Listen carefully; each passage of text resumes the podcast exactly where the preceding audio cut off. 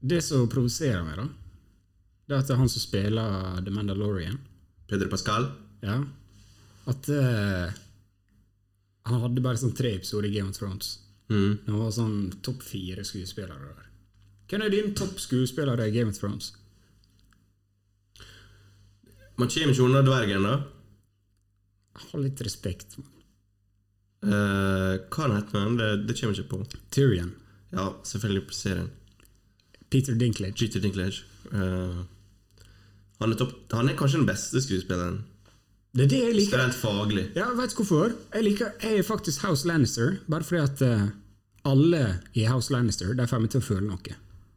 Men hvorfor snakke om Game of Thrones? For jeg uh, blir jo deppa av å snakke om Game of Thrones. Jeg egentlig glemt det. Sant, uh. Men hvem du håpte skulle vinne til slutt? Jeg, håpte, jeg heia jævlig på Jamie siste sesongene. Fy faen! Og så bare sante de henne ned igjen. Og så tok han sånn supertramp. Ingenting betydde noe likevel. Nei. Fuck off. Ok, Så hvis eh, du kunne valgt hvem som skulle ha drept The Night King John. Faktisk. Det er litt for enkelt på en måte. Jeg veit det, men det var veldig tilfredsstillende også, for det har bygd opp til det. Ja, i hvert fall. ja. Og så at Aria Jeg vet ikke er noe imot Aria, men det bare passer ikke. Nei. Det, var- det var Det kaos. random. Vi fikk ikke se slåsskamp mellom John og Night King. Nei, det var kaos. Hvorfor fikk du ikke se det? Jeg blir sur når vi snakker om det. Ja, Bare dropp det. Ok, Greit, vi, vi kjører i gang her. Ok, Er vi live? Er vi live? Kjekt.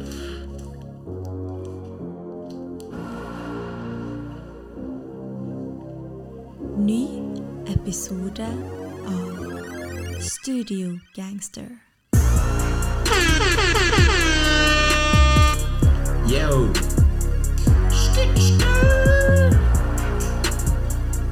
Now listen! That's called motherfucking bars, nigga! You know nothing about Ok, ok. Yes, velkommen til episode 11 av fuckings Studio Gangster.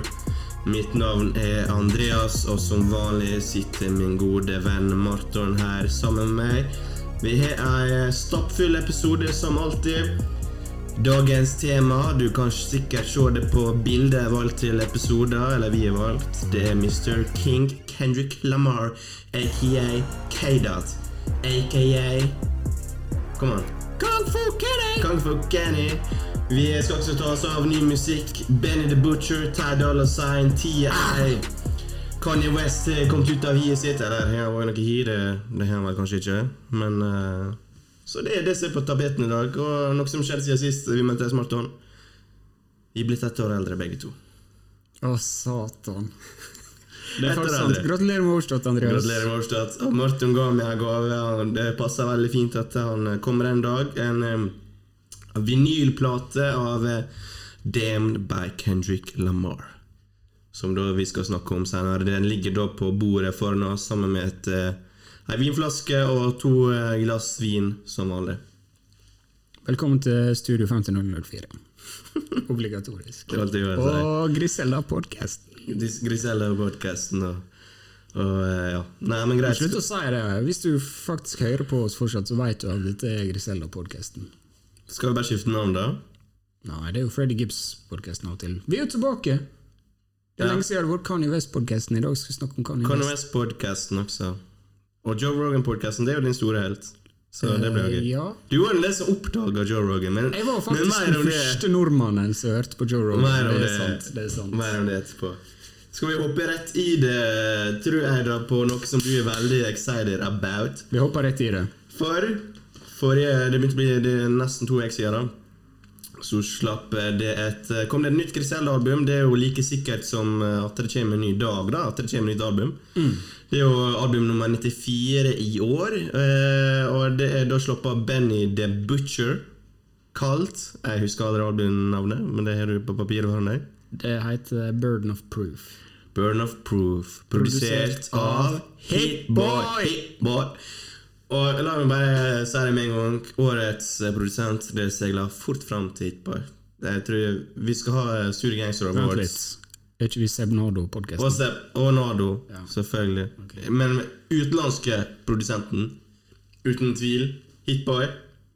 Kan vi bare legge han død. Er det vits å ha det som eh, en, eh, en award når vi skal eh, wrap it up om et par måneder. Kanskje. Kanskje. Vi får se.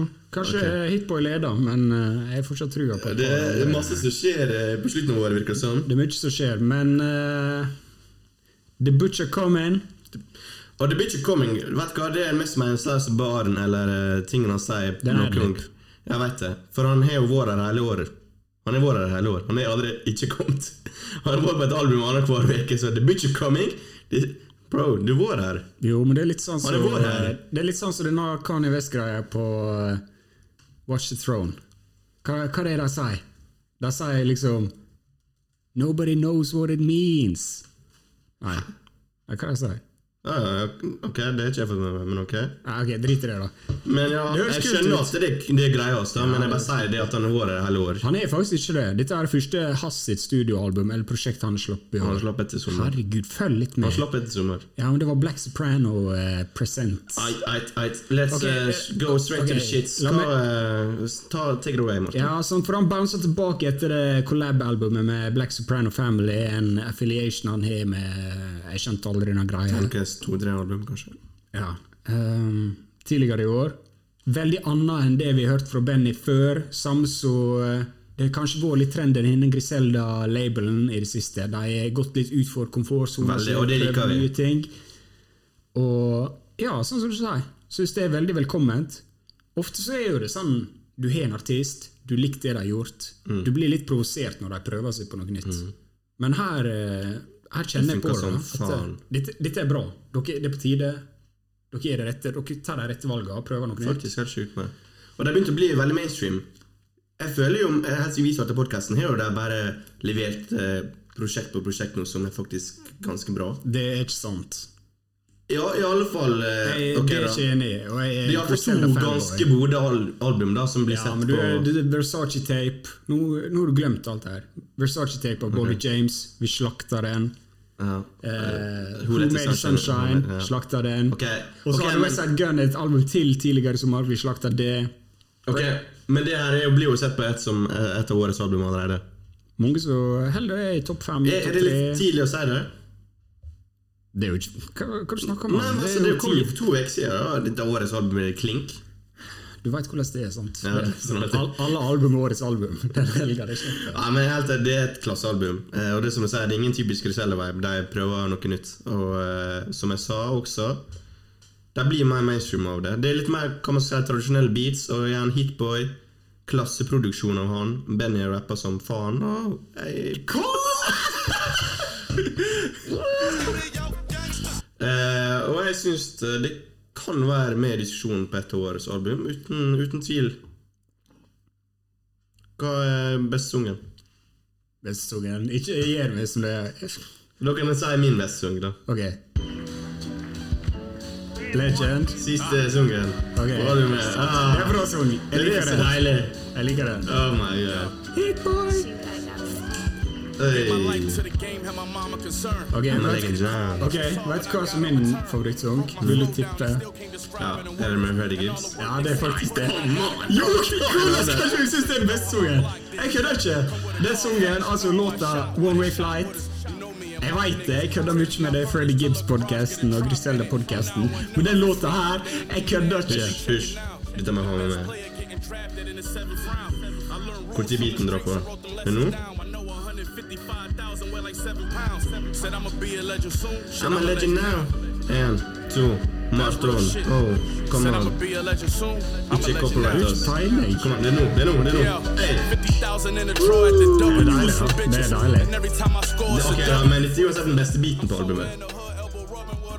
Ja, Det det ja, er ok. noe mer den biten her. Ja, jeg, jeg, jeg synes det, det jeg, det, det er grunnen til at det var singelen til albumet. Det var en singel, ja.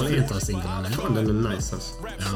Jeg synes det er kanskje en av de beste Griselda-sangene som har kommet. Men ok, la oss ikke ta noe vekk fra de andre sangene, for her er faktisk ganske mange sanger som er topp, topp notch her.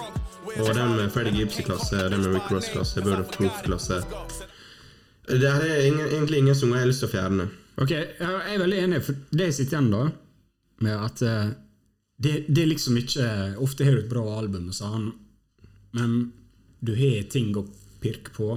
Her er ikke ei dårlig låt, liksom. Nei, er. Det er no skips. Jeg hører hele albumet, jeg koser meg, og sjøl Det som er bra spilleliste. Sjøl til og med Big Sean sitt vers, altså, jeg, jeg klarer det. Den, den Jeg faktisk, klarer det. det var jo singel, og den sungen den gikk ikke før den kom, album kom. Egentlig. Men nå liker jeg den veldig godt. Ja, det er gøy du sa. Ja. Ja. Det funker som faen. Alt funker. Hitboy. Og det er Hitboy sin feil. ja, men det har jeg sagt hele tida. Benny the Butcher. Han er den med størst, størst potensial. Tror. Jeg synes Ok, ok, det. hvor- han, er en veldig sånn tradisjonelt god rapper. Han er det, men Conway er veldig sånn bars, bars, bars. Mener du uh, Benny flyter bedre? Ja, Han har mer mest mainstream-potensial. ja, jeg tror det. Og det, er jo han. Dette var det albumet, det Grisella-albumet som solgte mest hittil. Ja, 19 000 første veka. Ganske lavt. Ok, ok. Men hadde du sett for deg det her skulle skje med Grisella? At det ble, gikk den retninga her? Ble så mainstream? Eller så mainstream? Ja, De er jo ikke så mainstream, da. Det begynte å I hiphop-miljøet, er, de- er det liksom top tier nå, da? Ja, jeg er med på hva du sa. Uh, jeg har, nei, jeg har ikke trodd at, eh, ha, at vi skulle få et Hitboy-produsert album i år. Men det er gøy at de gjør det. Det viser også at innad i hiphop-miljøet, altså de som faktisk driver med hiphopen sjøl, at de har trua på disse gutta. De har jo klasse features også. altså Det er jo alt fra Lil Wayne til Rick Ross og Freddy. Altså, Ja, for det, Det er det, sant. Når du, når du bare ser på papiret, det albumet her Hitboy-produsert. Hvem skulle trodd det? Hitboy og Griselda, liksom. Ikke at det, det er noe disrespekt til noen av dem, men det var ikke en crossover jeg har tenkt å se. Rick Ross, Freddie Gibbs, Lil Wayne, Big Sean. Så hatt features med Eminem. Hvem var det Benny, eller var det Conway? eh, det var den Bang-låta. Mm. Jeg tror alle var på den låta, faktisk. Der er en remix med. Ja, riktig. Ja. Så jeg mener da det, er, det var Conway, forresten, sitt album. Men ehm, jeg, jeg føler jeg er på vei til å bli ganske mainstream. Altså. Jeg, jeg, lurer på hva som er neste steget der. da Spennende å se. ass. Jeg håper de slipper et uh, fullt Griselda-album, sånn som de gjorde i fjor på slutten av året. Og det var nice. Gi meg sånn sju-åtte sanger, please. Bare. Så, så. Ja, og så få ut Ikke ha in-house producers, eller som foreleseren min liker å si, in-house. Inhouse. Snakker han om inhouse? Ja. Ja, ok. Prøv å outsource litt. Sant? Få, Men det er klart. få noe hit på. De er klart det nå. De har gjort det nå, men sant? hvis du først skal ha et Griselda-album, kanskje det er naturlig å kun bruke Griselda-produceren. Ja, sånn, ja. Du mener det typiske Griselda-albumet, at de prøver at det er litt annerledes igjen? Ja, jeg tror de må bare svelge den kamelen nå. Nå hadde Conway et av årets beste album. Han henta inn produsenter fra overalt. Ja, for det var litt eh, variabelt med hvem han hadde som produsent. Ja, Og nå er Hitboy produsert dette albumet her. Tydeligvis folk liker det veldig godt. Eh, Det, Altså, jo, de- når de- sier ser det er bra altså De tjener jo penger på dette, selvfølgelig, for det, det går jo bra. Så det er jo en grunn til at de skal ikke skal prøve å fortsette litt i samme, samme retning, da, som de har gjort det nå. Mm. Men jeg skal spørre deg, hva syns du er det beste Griselle-albumet hittil av uh, Conway sitt, 'From a King to a God', og, og det her? Jeg syns From, King to a, From a King to a God er bedre. Syns du det? Det trodde ikke jeg du skulle si. Ja, det er fordi du var lenger ute? At du har hørt, ikke hørt på det like masse, eller? Det kan jo være. Kan det endre seg? Jeg vet ikke, jeg bare syns kanskje høyderne er litt høyere. Ja, ok. Hva, går det bra, eller? Ja, det går fint. Ja, det går fint. Skal jeg hente et glass vann? Nei, jeg er ikke klar med rødvin. Nei, okay. uh, nei, jeg, jeg heller er faktisk et helt poeng over. da. Ja, hva har du den? Albumet? Syns det er eh, sju. 7,5 av 10. Men du er fornøyd? Ja, jeg, jeg er fornøyd. Det er veldig enjoyable album. altså. Det Veldig bra album. Og veld, veldig sånn veldig casual. Du kan høre på det veldig casual. Ja. Altså. Det er ikke noe, Du trenger ikke å gå zoome inn, som eksempel på Tupin Pimp a Butterfly, som vi skal snakke om senere. Du må ikke konsentrere deg når du hører på det. Sant? Du kan sette det på og kose deg på vårs, enten du chiller eller hva. Det er Veldig glad Veldig glad i dette albumet. Hva tenker du, da?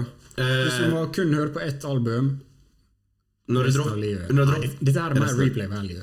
Det er stor reaper value her. altså. Ja, det er det. Men eh, ok, hva for det syns du er best? da? Jeg syns From King to a God det var et eller annet med det. Det var faktisk det første Griselle-albumet jeg var skikkelig sånn investert i.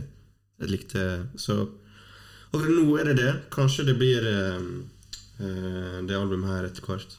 Da er vi enige, da. Ja. Faen. Da kan vi legge ned på den. Men uh, greit. Sjekk ut Ben the Butcher og meg og Griselda. Vi, vi tyter veldig masse om det, men jeg håper virkelig dere sjekker det ut også når vi snakker om det. For det, jeg tror faktisk her, i alle fall på det albumet her er det nok for alle. Jo, men det begynte som en kødd, sant? at vi snakker mye om Mm. Griselda. Men det er ikke vår feil at de faktisk bare blir mer og mer relevant. Og nå er de mer og mer relevant. Ja, og det er det er litt eh, gøy at jeg, du følger med på det, og kanskje de som hører på også. Det syns jeg er artig. Greit, Nestemann på lista er helt annen lane, da. Det er Ty Dollar Sign. Uh, heter det? Futuring Ty Dollar Sign? Var det det som var navnet? heter Featuring Ty Dolla Sign, ja. Ja, featuring Ty Dolla Sign. ja. Er det Jeg vet du snakker om det, men var det første albumet hans? Nei. Det er studioalbum nummer tre fra Ty Dolla Sign. Her får vi 25 låter med 23 features. Det er stacked, da. Mm. Det er stacked. Altså, du er Kid Cudi, Post Malone, Kanye, Park Altså Anderson Kanye var nesten ikke med. Ja. Men ja, enig. Uh, fy faen, jeg likte albumet hans. Quavo, Nick Minaj, Future, Quavo. Young Thug Quavo. Ja, nå måtte jeg lære å Quavo. Jeg er ikke med på den. Jeg skrev her en ting. Jeg vet ikke, liker, jeg vet ikke liker det ordet her, men jeg skriver balsam. ass. Det er balsam for ørene. Ja, men jeg, skjø- jeg skjønner det. Altså, Jeg så tracklisten og tenkte faen, her er- kommer til å være mange skips. Mange sånn medium-sanger. men eh, albumet treffer så jævlig, og det, det, det, det lykkes med å være akkurat det det skal være. Det er et klasse R&B-album. Jeg vet ikke om man skal kalle det R&B-ing, kanskje? Nei, det syns jeg ikke. ass. Hva man skal kalle det, da? Hiphop? Ikke hiphop, i hvert fall. Pop? Er dette pop? Nei, Dagens pop? jeg skjønner hva du mener. Altså, Det er jo, det er jo, han synger jo Han også, han er ikke en rapper. ok, Hva forhold er du til Dolla Sign? Bare at han eh, leverer jævlig gode features. Han har gjort det i jævlig mange år nå. Aldri hørt på noe eller tenkt over Det er litt morsomt, jeg tror ikke. uh, jeg vet at eh, Isa, vår Isa, norske Isa, hyller han her, og tar sikkert veldig mye inspirasjon fra han. Så ja, det som du sier, stacked med Futures, og Futures har de leverer som fan. Rett og slett et veldig bra og behagelig album, både til chilling og turning up. Var det en grei beskrivelse? Ja, for det, jeg sitter litt med samme følelsen. Ja, men jeg er litt spent på det, for du, du skrur av som regel med med en gang noen begynner å synge litt på et album, på en sang. Så hva du syns du om den sangen her? Ja, jeg prøver å fortelle deg det. Ja. Ok, så Det jeg syns, da eh, Produksjonen og viben på hele albumet, det, det er sjukt gjennomført. Og det flyter gjennom hele albumet. Albumet er jo på en time. ja. Men det går veldig fint, og sånn, du tenker virkelig ikke over at det er 25 låter. Det er ganske sjukt. Sangene er ganske uh, Mange ganger sangene er ganske kort, bare for å si det. Ja, naturligvis når det er 25 låter ja. og én time. Men det, det er også det jeg syns styrker her, det er at det, det er et veldig fint lydbilde. Ja. Det er veldig, det er veldig deilig å høre på, sånn som du sier, bare for sjela. Men jeg syns kanskje også det blir svakheter, på en måte. For jeg føler, jeg føler ikke det er låter som skiller seg ut her. Skjønner du hva jeg mener? Wow, Marton, nå, nå leser du tankene mine. For dette klarte jeg ikke å ytre, men det var noe jeg tenkte. Ja. Dette her, Jeg må lete etter standouts. Ja, og der, der er ingenting som virkelig kanskje skiller seg ut fra alt det andre. Ja. Men albumet sitt helhet funker jo også jævlig bra. Det er ikke sånn at du må høre på hele albumet for å like For å, å, at, at det skal være en god listen. Du kan bare ta opp en random song og bare vibe til den. Ja, du kan det. Det er ikke sånn du må høre albumet høres, For du høre eller du må starte på track 1 og gå gjennom. Nei, jeg er Det er ikke det du mener. Men hør på men det her, mener. Hør på det her da. I et intervju med magasinet Spin i 2019 så snakka Tai om dette albumet, og da sa han jeg har ikke lyst til å lage noe generisk. Jeg har bare lyst til å lage god musikk som folk vil høre på, og som skiller seg ut. Så ikke generisk, god musikk, skiller seg ut. Av de tre poengene du han traff her. La oss ta generisk først, da. Noen av sangerne kan helt sikkert kalles generisk, men jeg føler ikke det er sånn Hva man skal si, da, pop-ish generisk. Sånn at han har gått ut for å finne uh, årets sang i 2020, altså årets radiosang. Jeg føler ikke det er det på det albumet her. Jeg føler du må ha det for at det skal bli kalt generisk, i alle fall. Det er ikke tradisjonell popmusikk han lager heller. sant? Nei, ok. Kjøper den. Det er min mening. Og så neste, hva var det? Eh, god musikk. Ja, det er jo det. Det er jo Det er jo god musikk. Det er vi enig enige i. Jeg er enig. Han, han er truffet på Det er god musikk. Mm. Men jeg syns det er generisk, men på en bra måte. Han Det er veldig sånn gode hooks, Ja. eh, deilig produksjon. Prøver ikke for hardt i én lane eller en annen. Men han spiller jo på sine styrker mer, dette er jo det han kan.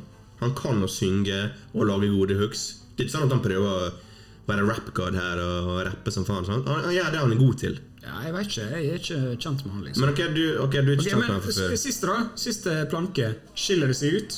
Det er mitt spørsmål. Når vi skal oppsummere året 2020, skiller det her seg ut? For det gjør ikke det for meg. Ok.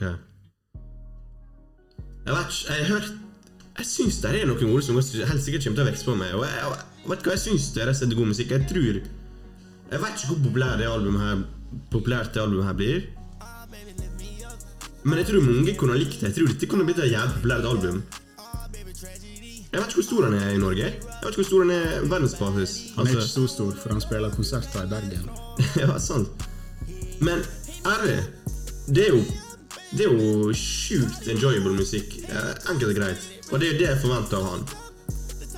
Så jeg, jeg skal høre masse på det her framover. Uten tvil.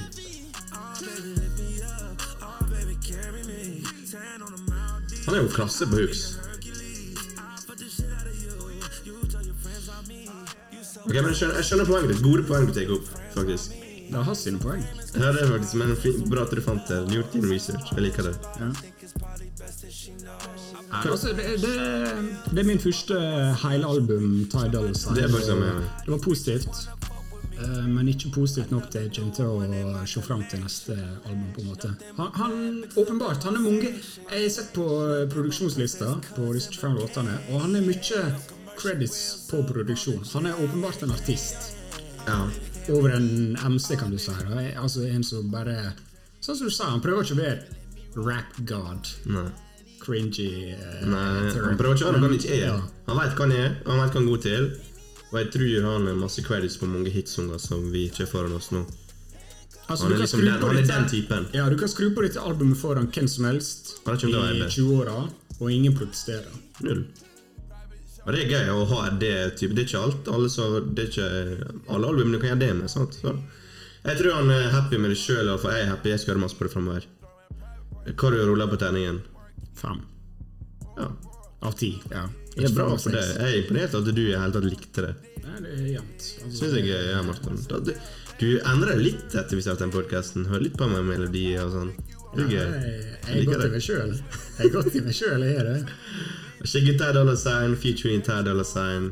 Garantert noe du liker der. 100 100 Alle mine anbefalinger. Ok, men La oss ta det tilbake til en ekte OG, hvis Oh. det er lov å si, Andreas. TIP. Tip. TI. Hva heter albumet? The Libra. Ja, Han det... droppa album nå. The Libra. Mhm. Vet du hva The Libra står for? Er ikke det sceneting? Jo, men det, det er et akronym. Nei. Eh, jeg jeg har faktisk lest det, men jeg glemte hva det det står for. The legend is back, running Atlanta. Oh, jeg liker det. Det var litt kult. Ja, er det egentlig det? Jeg syns det var nice. Jeg Jeg, jeg føler jeg bare truffet jævlig bra. Så, ok, Libra, ok. Jeg vet ikke med Libra? Jeg var født i Hva stjernetegn er? Er du eh, Libra? Jeg er skorpion. Jesus. Du er vekt, vekten, Ja, jeg er Libra. Er det å, er Libra i vekten, det? Ja. Jeg er faktisk skorpion akkurat på dagen. 24. oktober. Hvorfor har jeg sånn skorpiontatovering? Jeg har faktisk tenkt på det. Alle Jeg er Drake jeg er jo bursdag på samme dag. Gratulerer med årsdag, Drake. Synd at du må slippe album i januar. Vi tapte det ved- veddemålet, forresten. Du, du sa september. Jeg sa i løpet av sommeren. Nå slipper han i januar. Jeg var nærmest. Er det pga. korona? Ja. Fuck you, Roni. Fuck Roni. Men det er greit, da. Har en dato forhold, eller måned i hvert fall, å forholde seg til. Og verden kommer til å stå stille da, når det skjer. Ok, let's go. Let's go. Snakke om TIP. Hva syns du om, om TIP? Ok, så Hva jeg syns om TI? Eller Ja, bare Kanskje synes albumet Hva du, Har du fått noe forhold til han? Hva forventninger hadde du? Jeg, eh, jeg elsker TI. Gjør du det? Eh, Ja. Faktisk eh, Ja, jeg vil si han er en av mine eh, Favorittartister? Du nekter å si det, da. Jeg, vil, jeg vil nesten gå så langt uh, og si det, sant? Men jeg må si det, da. Det er jo liksom Jeg så, jeg så når dette her kom, sant. Det var 20 tracks. over en time. Dere vet jeg hater album som er over 38 minutter. sant? Og det er studioalbum nummer 11. Jeg fikk liksom ingen forventninger, men jeg tenkte med en gang det er for langt, det er for mange features. TI, du er gammel. Jeg ser coveret. Det er seks damer, ok? Stilt opp som eh, ei vekt, Libra. Ja. Jeg vet ikke hva jeg, helt hva jeg skal si, men dette er et av årets beste album for meg. Det var ikke det det hørtes ut som når du, når du oppsummerte. Nei, nei, jeg vet ikke, kanskje jeg hadde for lave forventninger, men dette her Fy faen! Det tida jeg har gjort her. Syns du det var så bra? Jeg syns det var så bra. Okay, så- album eh, Ja, over nå, en nå, er litt, nå er jeg litt spent på å høre hva du sier. For jeg, har liksom lest litt på nettet, og jeg føler eh, folk flest da ikke er så imponert eller syns det er så bra. Altså, la meg si det. Det er, det er bra musikk, og tida viser at han absolutt kan det. Og øh, selv om det kanskje ikke er hovedprien hans ennå Jeg vet ikke hva han driver med, men jeg tror ikke han er mest fokusert på musikk uh, for tida. Og har vært det de siste åra. Men han viser absolutt at han klarer å lage et jævlig bra musikalsk album. Han kan fortsatt rappe jævlig bra. Han er absolutt up to date. Han velger gode beats, eh, gode features. Jeg har ingenting utsett på selve musikken, men at det er Ok, Det er personlig å si at det er et av dine favorittalbum i år. Jeg kan kjøpe den, men det er langt fra et av årets beste album i år. Men jeg, jeg, Det er ingen sanger jeg hater her, eller noe sånt, men det er noen sanger jeg liker bedre enn andre, selvfølgelig, og det er noen sanger jeg hadde på lista mi. Jeg, jeg, jeg liker tida, jeg også, men eh, jeg visste ikke at du var så stor fan. Hva Ok, få høre, da. La meg bare telle kjapt her. Én, to, tre, fire, fem. Det er seks låter. Og legg merke til, de, noen av de seks det er intro, outro, eh, utro, outro, outro. En interlude. Så i praksis da, av 20 låter da, så er det tre stykker ikke lagt til på Wow, wow, wow, wow. Men hørte du forrige albumet hans? Damn Trap? Nei, jeg har ikke hørt uh, Dance Trap. Jeg syns det var litt likt, jeg. Det er også albumet det kom, det kom litt sånn ut av det blå. Take it away, Andreas. Det kom litt ut av det blå, sant? Eh, Ah, tida kjøper album, ok, shit. Og det også passer egentlig dagens klima. Det var sånn, Han, eh, han tilpasser seg veldig bra til eh, dagens klima. Han er fin, altså! Hæ? Han er bra! Ja, han er bra. Han flyter bra. Han, Ja. Han er litt sånn uh, Ja, han er god til å tilpasse både featuresene sine og Altså han klarer, Når han er på en track med Lill Baby, så rapper han litt sånn som Lill Baby. Det er litt sånn, ok, greit, du, du skal få lov til det når du er Hvor gammel han er han? Nesten 50? Midten av 40? Så gammel. Han er midten av 40-åra. Da sier jeg nesten 50. Men han er ikke så gammel. Men jeg er enig. Men ja, nice at du likte det, Martin. Faen, det var jo eh, Jeg ble sjukt positivt overraska. Jeg syns det, det albumet her er dritbra. Wow. Det, er, det er ikke classic eller i nærheten av det. Men alle album, alle album må ikke være classic for å like det. Er bare fuck it. Det, Nei, nei, det er bare Jeg sier det er dritbra og dritbra. og dritbra Men hva er dritbra på skallen? Sju av ti, da? Like bra som det er sju og en halv. Det er bedre enn Benny. Benny? Benny. Syns du det? Ja. Hva er best sungen her, da? Jeg liker alle sangene her, man. Skal jeg si min favoritt, da? Ja, si din. Family Connect. Ja, den er bra. Den er bra. Og vet du hva? Det er med sønnen hans. Visste Ja. du det? Nei, jeg visste ikke det var sønnen. Det er sønnen hans. Det er derfor det heter Family Connect. Så han rapper fram og tilbake med sønnen sin. Ah, selvfølgelig. Derfor er det bare Wow, jeg likte den sangen. Så bare la oss om det. Bare, wow, Tida er 40, det er kult. forresten. Akkurat 40. Han holder seg bra, ass. Men hør, er Family Connect det, er litt fordi at det er sånn også, da. Ja, Heldigvis er bra. Du trodde jo han var eldre. Ja, men det, det er testament til at du trodde han holdt seg jævlig bra, da. Ja, greit. Dette er sånn, ass. Det er kult. Domani. Dårlig navn, da. Det, holdt, det glemte å si om Benny the Butcher i stad. Hva syns du om Benny the Butcher-navnet? Det er ofte jeg bruker sånn Hvis jeg forklarer forklare liksom hva jeg hører på til f.eks. besteforeldrene mine, og sånn, så sier jeg liksom Benny the Butcher, Conway the Machine og 50 Cent så, Altså alle disse navnene her. De må jo tenke Fy faen, til en generasjon det her er. Ja. For det, det er litt morsomt. På det Benny the Butcher-albumet Så er det en sånn skittel eh, på slutten av en låt. Ja, du du faktisk det er? Benny the Butcher? Ja. Is he a fucking boxer Nei, jeg husker ikke hva han sa. Ja, wrestler. Wrestler. What's up? What's next? Benny the Lamb Chop? Men, men rappere er jo litt sånn corny navn, da. Men det, vi glemmer at det er kanskje litt corny av og til. Ok, men du sier det er sønnen hans. Vet du hvem som er på utroen, da? Dayjazz. Nei. Det er døtra. Oh, nice, nice, nice. Ja. Musikalsk familie er tydeligvis. Det han tid Ja, men hun bare snakker. Hun får ikke lov til å gjøre noe annet før hun har tatt uh, sjekka livmora. Ja, for det, her er mitt problem, da. Dette her er det eneste negative jeg har å si om albumet. Det at det er veldig mye Sånn som du er Rhapsody, så er er veldig sånn hun, hun er veldig sterk på det å fremme kvinner og sånn, da. Og så har du Miss Pat, som er på introen. En veldig sånn kjent eh, kvinnelig svart eh, standup-komiker. Du har Ernestine Johnson Morrison på ei låt der hun snakker om The Black Woman. og alt Ja, for det er veldig masse fokus på Black Woman her. ikke Ja. Du tenkte over det, du med? Ja, det er jo det, åpenbart. Se på coveret, hør på tekstene, Ja, hør på interludes. og det er det som er med coveret du hører i albumet her. Og jeg kjøper ikke. det. Jeg syns det er fake. Nei, men jeg syns det var litt uh, cheesy. Ja, for uh, alle veit liksom Eller for dere som ikke er kjent, da, så TI han er jo psykopat. Forklar. Ja, blant annet han, han er jo så dum da at i fjor så kom han ut på et eh, radioshow og fortalte om hva, hvert år uh, døtra har bursdag, så tar han med til gynekologen for å sjekke jomfru, om jomfruhinna er i kontakt. Jeg tror kanskje vi nevnte det på en podkast før. Ja. Men han er veldig kontrollerende og han, han er sjuk i hodet, da, med damer. Og jeg, jeg får litt følelsen da når jeg hører Rhapsody, jeg hører hun Ernstine, eller hvordan du sier det. Jeg, jeg føler det er litt damage control. Tenkte du over det? Eller er det bare Jeg synes, ja, det er en, er crash der. Ja, Det er noe som ikke stemmer. ja for det, jeg sa det nå når vi begynte å snakke om albumet. Der er liksom åtte damer Det er jo åpenbart noe om damer. Jeg trodde det er Libra her er noe connection med, med damer. Det er også, jeg vet faen, jeg, altså Jeg er ikke horoskop. eh, albumet, Astrologi. Når du ser på albumcoveret album i seg sjøl, så skjønner du litt temaet, da. Jo, jo. Vekten. Er ikke vekten liksom handler om å være, å være stabil, balanse? Er ikke damer liksom balansen i livet? Jeg vet ikke, noe der? Er ikke- jeg bare sa jeg, jeg kjøper ikke det. Jeg får en bismak i munnen hver gang jeg hører ei jente eller ei dame snakke på dette albumet. Jeg skjønner. Det er sånn, Du må selge det her, sånn kommer dårlig lys. Ja, litt, det, jeg får litt den følelsen. Ok, bare det. Jeg, jeg skrev noe er greier. Bare finn opp noe om eh, hvor sterke damer er, og empowering woman, og nevn mange sterke damer som finnes her i 2020, og, og så bare hyller vi damene.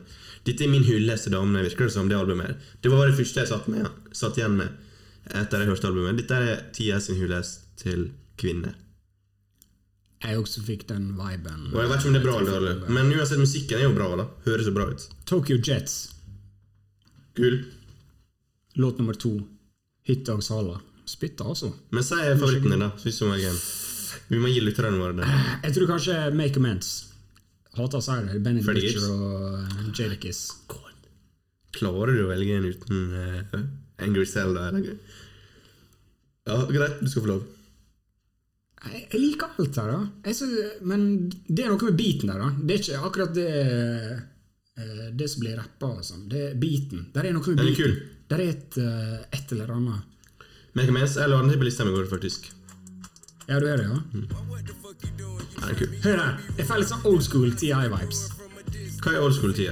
Nei, bare sånn old school. jeg kan ikke Jeg vet ikke, jeg føler det, sant? Jeg fikk jævlig lyst til å ta på min favoritt. Uh, Men jeg liker ikke når dette pianoet uh, går vekk for uh, noe annet. Skjer nå. jeg liker det. Nei, jeg liker ikke Jeg liker den parten her. Jeg liker den parten men best. det er det jeg liker med beaten eller sungen, når pianoet kommer tilbake. Ok, Kan jeg hoppe med min favoritt-tida-sang? Ja. Eller det er nummer to. Faktisk første gang jeg hørte uh, Young Thug, tror jeg. Young Thug er på dette albumet. Ja, ja. Det er. Det er jo Atlanta Connection. Har ikke du hørt den her? Nei. Det er et album hans fra Young Thug. 2014. Young Thug skal komme med nytt album snart. Ja. Woo! studio Ok, så eh, på en skala fra 1 til 10, rate it. Seks og en halv. 6,5? Ja vel, ok, greit. Jeg driter i det. Jeg bryr meg. Nei, så er det. Ok, la oss gå på neste. Nei, hva da? Ja, hva du sa sju og en halv, var ikke det? Ja, Jeg sier jo at det er bra. ja ok. Jeg liker det. Ja, ok. Du må ikke bli skuffa over det Nei, jeg er ikke sier det samme som deg. Du kan ikke være enig med alt her. Jeg bare syns 6 er en fornærmelse. Seks og en halv? Ja. Altså, det, det, det, Ok, Du kan si at det strekker trekker ned for meg, er det kvinnegreiene, da. Så det er ned fra ti? Eller? Det er jo, altså så er musikalsk Hvis du kutter den på kanskje tre-fire sanger, så er det en klar sju og en halv. Med det, Helt enig. med det kvinne, litt sånn fake kvinnefokuset og, og eh, at det er et par, par sanger for mye, at det blir cringy, blir det seks og en halv. I min bok. Ok, fint. La oss Next. gå på rosinen i pølsa. Mannen du har hatt lyst til å snakke om i fire, fire måneder nå. John Lucas slapp album vi har ikke hørt det, men hørte bra. Sjekk det ut. Vi skal snakke om Noen på internett sa det var bra. på journallucas.com. All Love Hiphop på Twitter. Sjekk det ut. Det er meg. Men ja. Hva, hva vi- skal vi snakke om nå?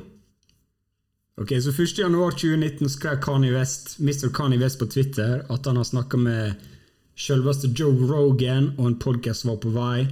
Nesten to år seinere så er det faktisk realiteten. Spørsmål?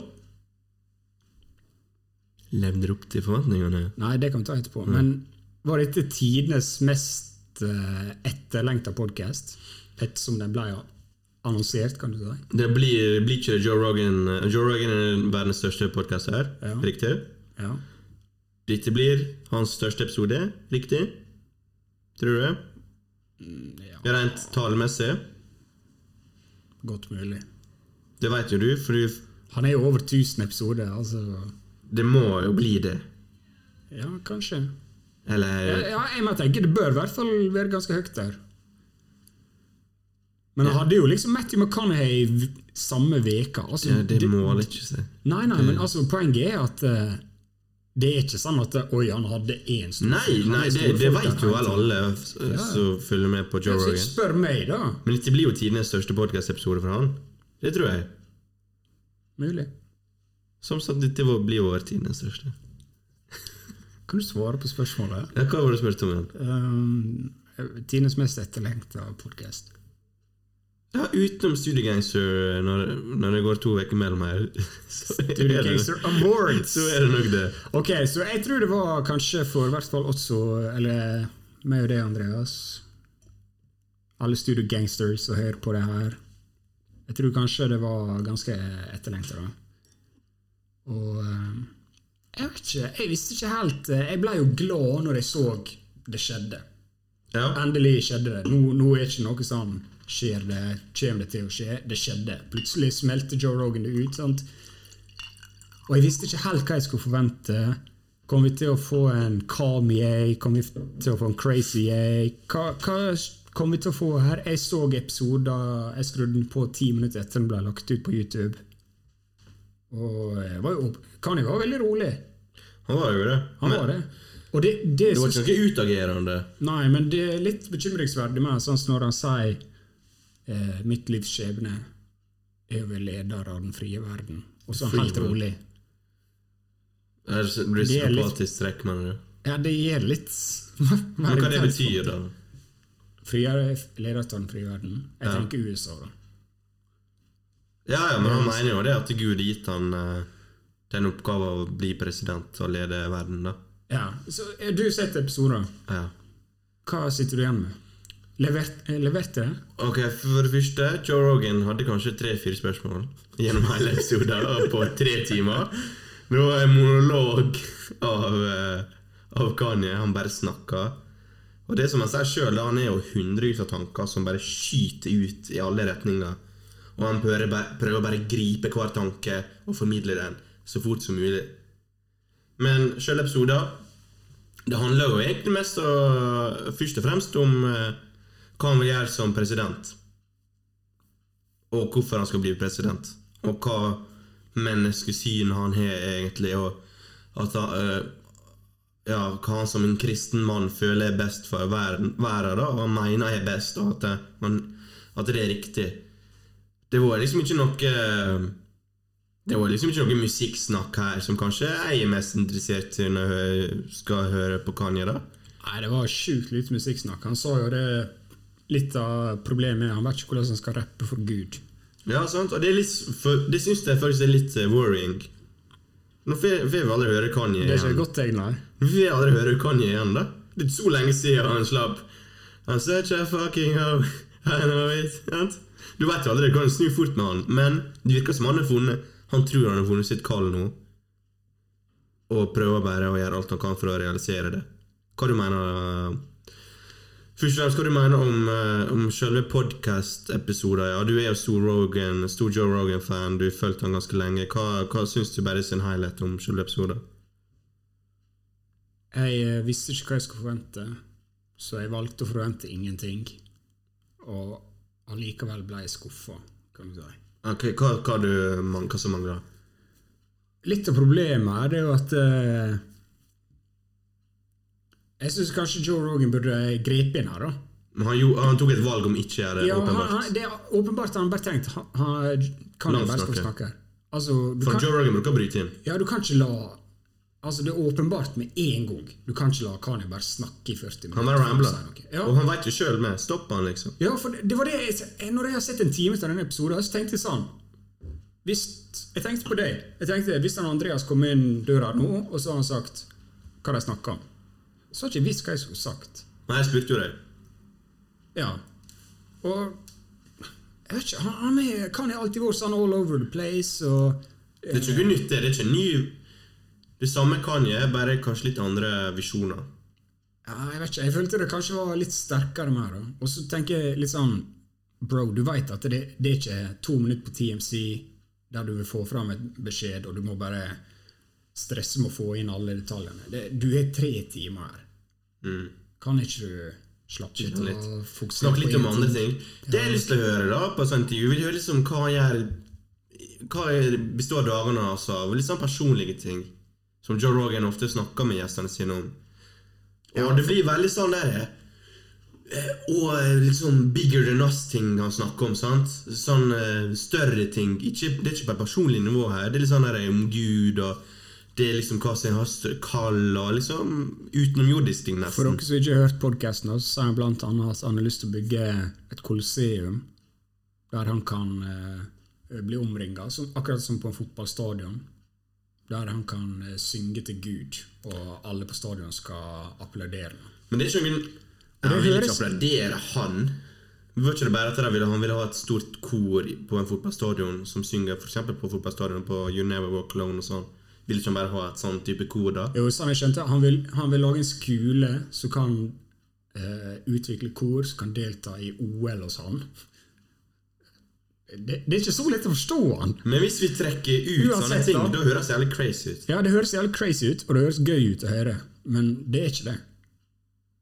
Jeg syns ikke det her var gøy. Hva syns Joe Rogan? Tror, hva tror han tenker Joe Rogan? jeg tror han tenkte godt at det er gjort. Tenker han, tror det? Ja, Det virker som han genuint syns det var interessant. da. ja men det, det er derfor Joe Rogan er stor. sant? Han er flink med folk. Han er ikke smart. Han er, Han er ikke, er menneskekjenner, da. ja, han er menneskekjenner, han er ikke smart, han er støttende, han tilvenner seg den han er med.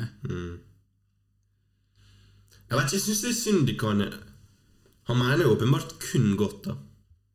Jo, jo, men det gjorde jo ja, Hitler, var det For eksempel. sant? Ja, Ok, men vi skal ikke trekke den parallellen. Nei, nei, altså, men det er ikke godt nok at du mener bare godt. Vi mener jo bare godt med denne podkasten. Ja, ok, greit. Men han er jo så mange rundt seg, altså hvis ingen klarer å stoppe han, så må han bare fortsette. Altså, jeg vet ikke. Jeg bare vil ha god musikk av Kanye. Er det, er det for smålig meg å tenke, når han har gitt så mange gode album, at jeg vil ha mer musikk? Kan ikke han få, burde ikke han få den fridommen av fansen og meg og deg til å gjøre det han vil nå? Han er jo lagt, han er jo lagt bak seg en mannsalder med bra musikk, da. Jo, jeg er helt enig i det. Jeg, er helt enig i det. jeg skjønner ikke hvorfor jeg skal blande inn presidency og alt det pisset der, liksom. Ja, du skjønner ikke hvorfor det? Nei, Hvorfor skal du begynne med det? Derfor er det jo han har fått Guds kall, da. Ja, og det er jo det jeg sier. Altså, du, du har ikke fått Guds kall, kompis. Er han, er han sprø? Ja Åpenbart. Er det åpenbart at han sprø, eller er vi sprø? Tenk om vi sitter her om ti altså, år. Altså, når du sitter og sier liksom Han, han sier ting som at eh, Jeg trenger ikke om å oppføre meg sånn folk vil jeg skal gjøre. For at jeg veit hvordan Gud har sagt jeg skal være, og da kommer jeg til å være sånn som Gud sier jeg skal gjøre. Jeg driter opp i hva du syns. Liksom Du, selvfølgelig, altså, du, du krysser en linje. Det kan ikke være Gud, det kan være også en demon som snakker til deg. Du vet jo aldri. Ja, han snakker om demoner i poden, faktisk. Jeg jeg syns det er komplisert, jeg. Ja det, ja, det er en måte å si det på. Det er var- komplisert. hva- Ja, men altså, terningkast Andreas. Hva fikk du ut av denne podkasten her, og hva, hva terningkast gir du den? Jeg fikk faktisk noe stort ut av det her. Fuckings Kanye West er stor Star Wars-fan. Stor? Star Wars-fan. Ja, det, Han nevnte Star Wars 100 ganger. ja Han har sett Revenge of the Sith ti ganger i løpet av lockdown, og det er min favoritt-Star Wars-film. Og Faen, André alt er tilgitt. Ja. Alt er tilgitt. Vi liker samme film! Og Kan jeg er du Star Wars-fans? I got the high ground. I got the high ground. Don't jump, Anakin. Nei da, men uh, hva jeg sitter igjen med Jeg satt også og tenkte på det. Hva jeg sitter igjen med nå, Andreas? Hva du sitter igjen med nå? Du er nødt til å snakke om litt her på podden. Hva Trekk fram noen gullkorn her nå. Du sa du har forberedt deg. Altså, hva, hva har du å si? Jeg skrev det her. Star Wars, ingen ny musikk, masse fokus på president, sjuk fyr, spørsmålstegn. Joe Rogan spurte fire spørsmål. Bra. Neida, men ja, da avslutta jo podden med å si at dette er ikke siste gang. Hva tror du om det? Tror du det er siste gang? Det sier han alltid. Han gjør det. Ja. Men han bruker jo å ha gjester flere ganger. ja, men jeg tror ikke det skjer igjen. Kan er litt vanskelig å få tak i med. Jeg tror eh, Altså, det er veldig konsensus om at eh, det her var tøys. Jeg tror ikke folk bry... Jeg tror ikke Si da. Si at denne podkasten får 100 millioner views. Det siste tallene får 100 millioner, så tror jeg versjon nummer to kommer til å få maks 10. Folk kommer ikke til å 50. gidde engang. Spennende å se hva som skjer med Kanye, da. Eh, Jeg klarer ikke helt å følge med, for å være ærlig, men det, han har jo så mange baller i lufta. Eh, Om han blir president neste år, det for tida vise. Neste år, det er jo i år, bro. Det er Ja, bare et par uker til. hva gir sjanse? Ja, det kan vi gjøre. Gir gir han en sjanse? Nei. Nei. Blir Joe Biden, eller? Nei, det blir Trump. For jeg hater USA. Så Nei, men jeg er så glad for at jeg ikke bor der. Herregud. Herregud. Nei, shit. Du tror det blir Biden? Jeg, jeg har ikke aning. Jeg følger ikke så jævlig mye med politikk, men han, Biden virker jo litt fjern, han også. da Ja. Så litt sånn pest eller kolera føler jeg nå, da, nesten. Uten at jeg skal uttale meg for masse, for jeg har litt Kanskje kan Kanye West ikke er så dumt. Så bare, kanskje bare prøve noe nytt. Bare fuck it. Bare, okay, bare, hvor gale kan det bli? Bare, bare fuck, bare prøv. Ja, hvor gal kan det bli? Hvordan er det liksom Eric Lee for president. hvordan, hvordan er det når du har liksom en Han er så åpenlig kristen, sant? Ok, men spørsmål, da? Spørsmål.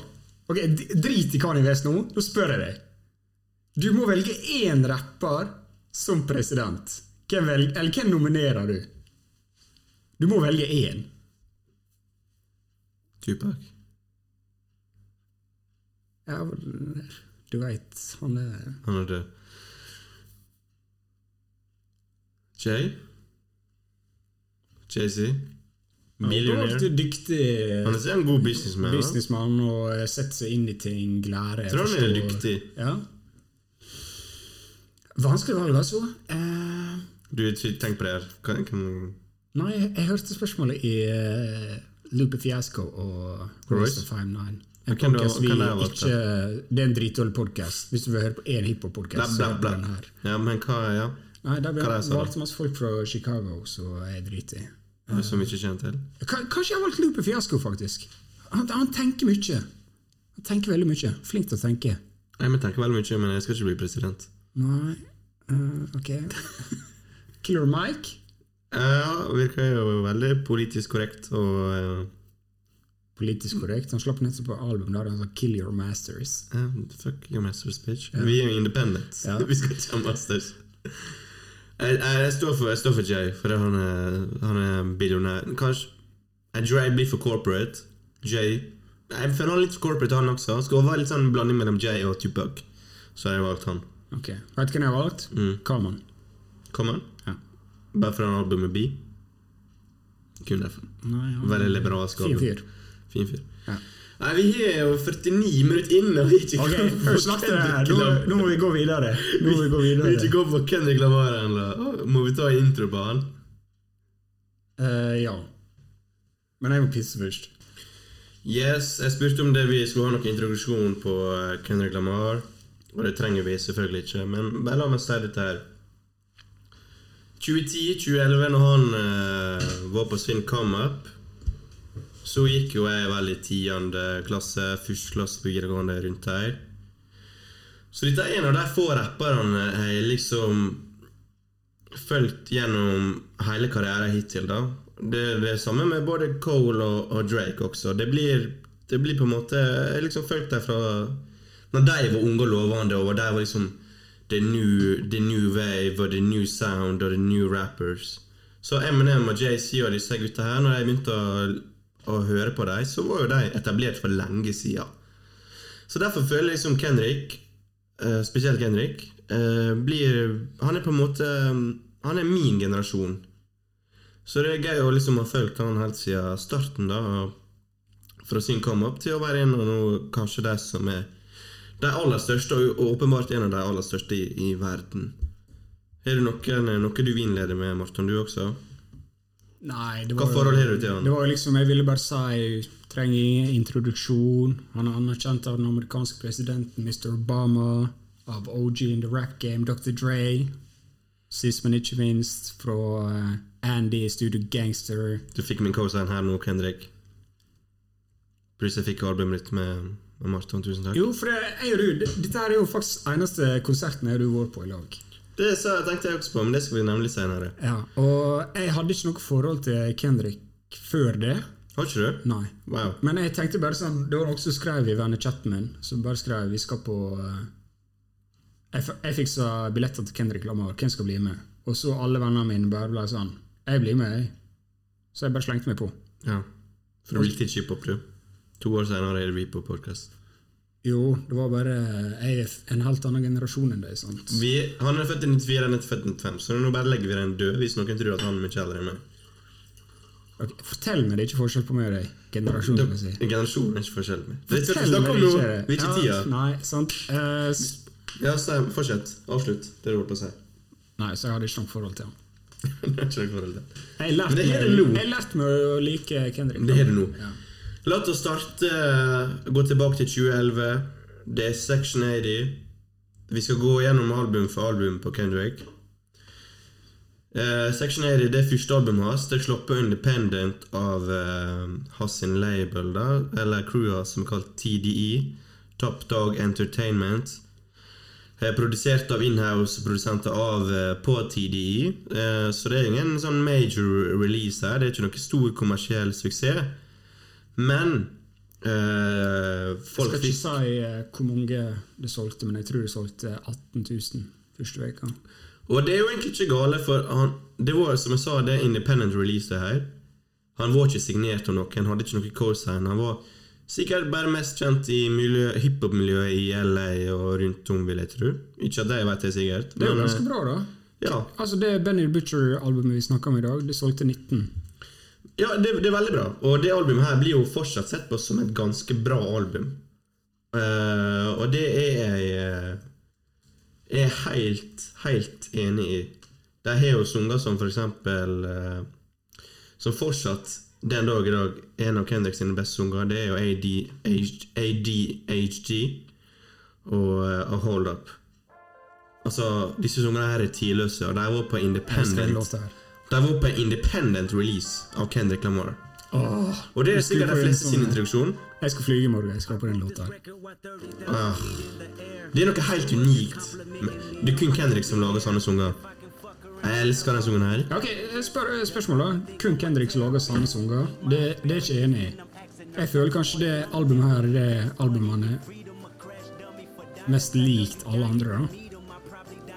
Syns du det? Men sånne sanger som det her, jeg hører ikke det noen plass. Jeg hører Han snakker om han er ute og flyger og Det driter jeg i. Jeg hører sounden her. Og jeg Og den med. Det er så unikt. Straight Out Gate, Kendrick unik. Og det albumet her. Jeg, har ikke noe, hadde ikke noe spesielt forhold til albumet her fra før av. Jeg har ikke det fortsatt. eh, Men det blir jo sett på som en ganske bra album, ut fra det jeg har lest.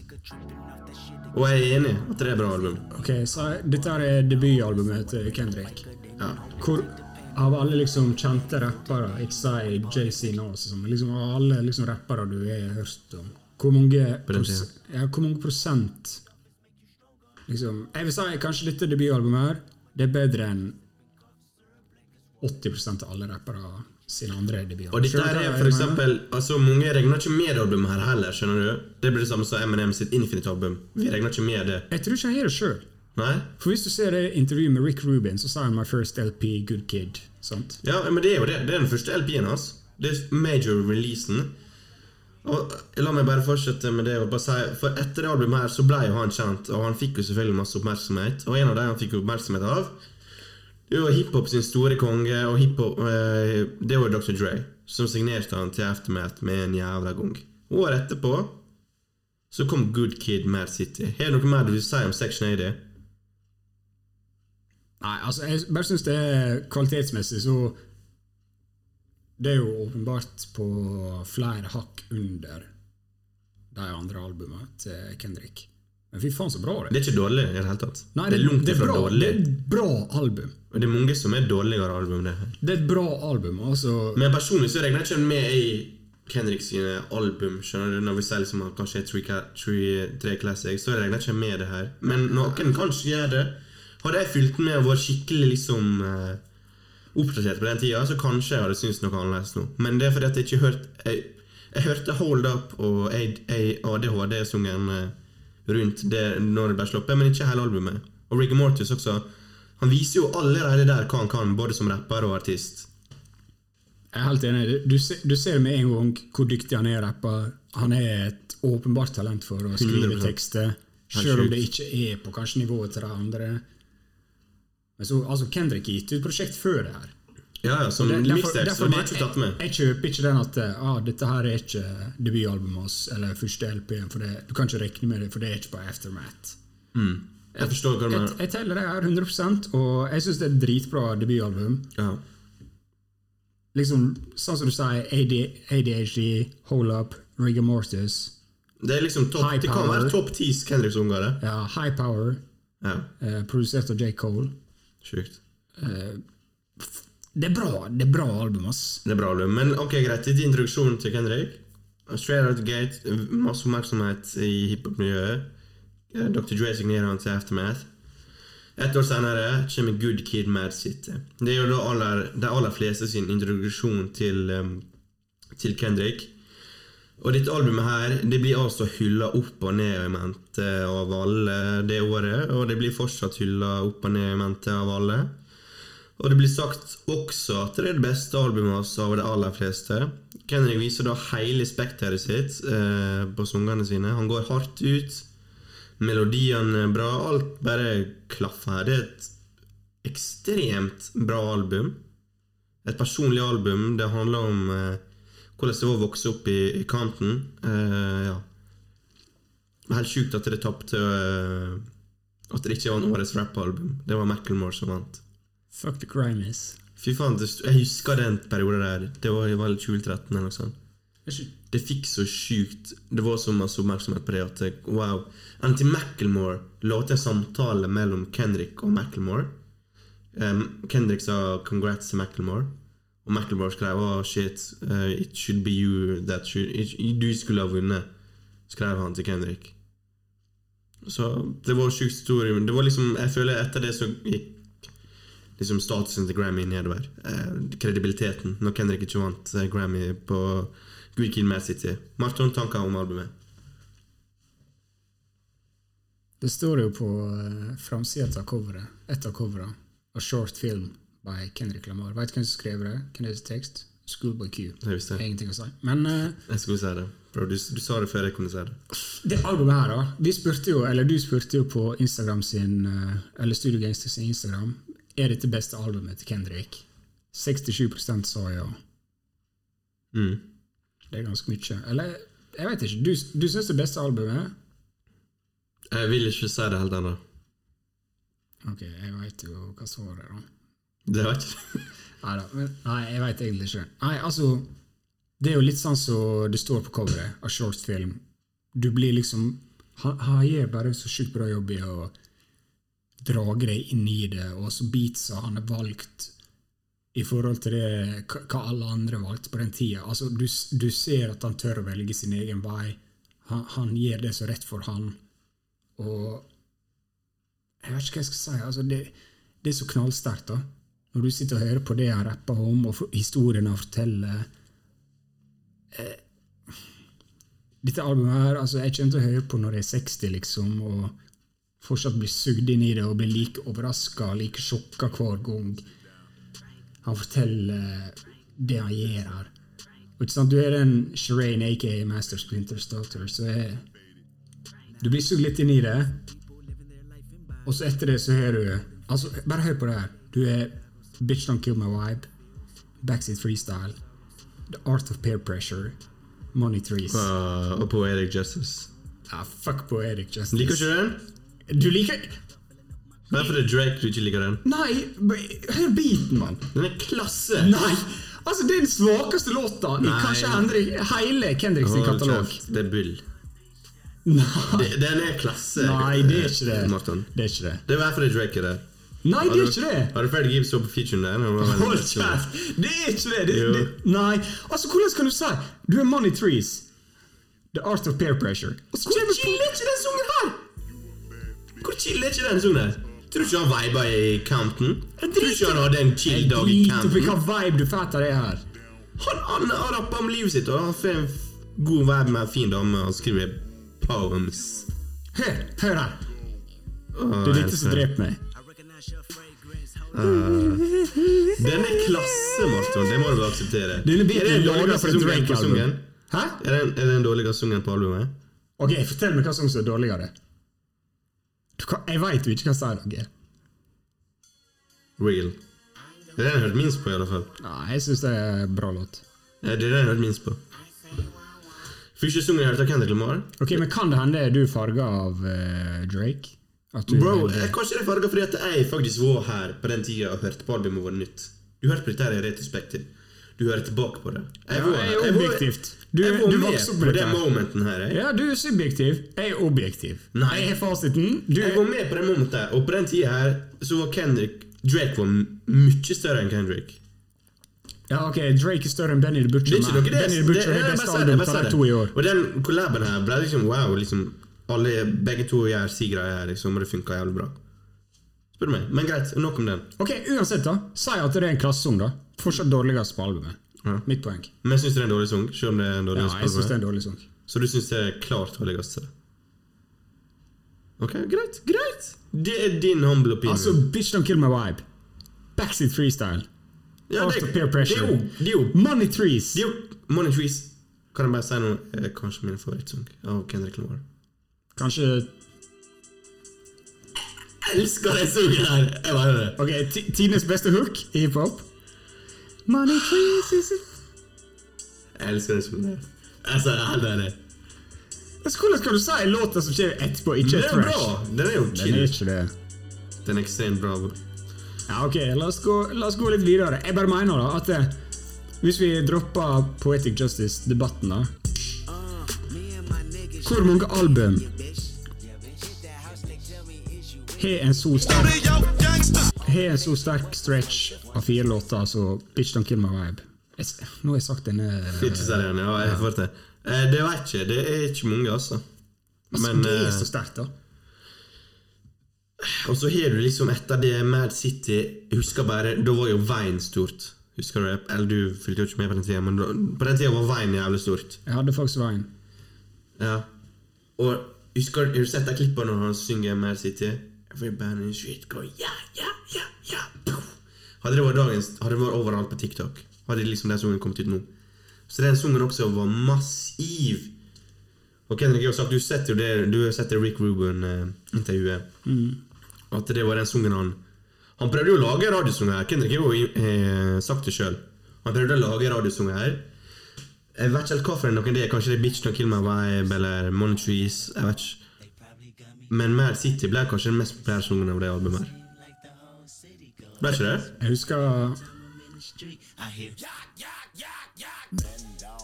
Det var jo det. Ja, ja, jeg er helt enig. Jeg er helt enig. Eller Swing, swing Pools var Det var ganske første stor. singelen, da. Den var ganske stor. Den var stor. Men Man City den babla opp uten at han, han, han prøvde på det. Og det, det, er, så- det er kult når sånne ting skjer.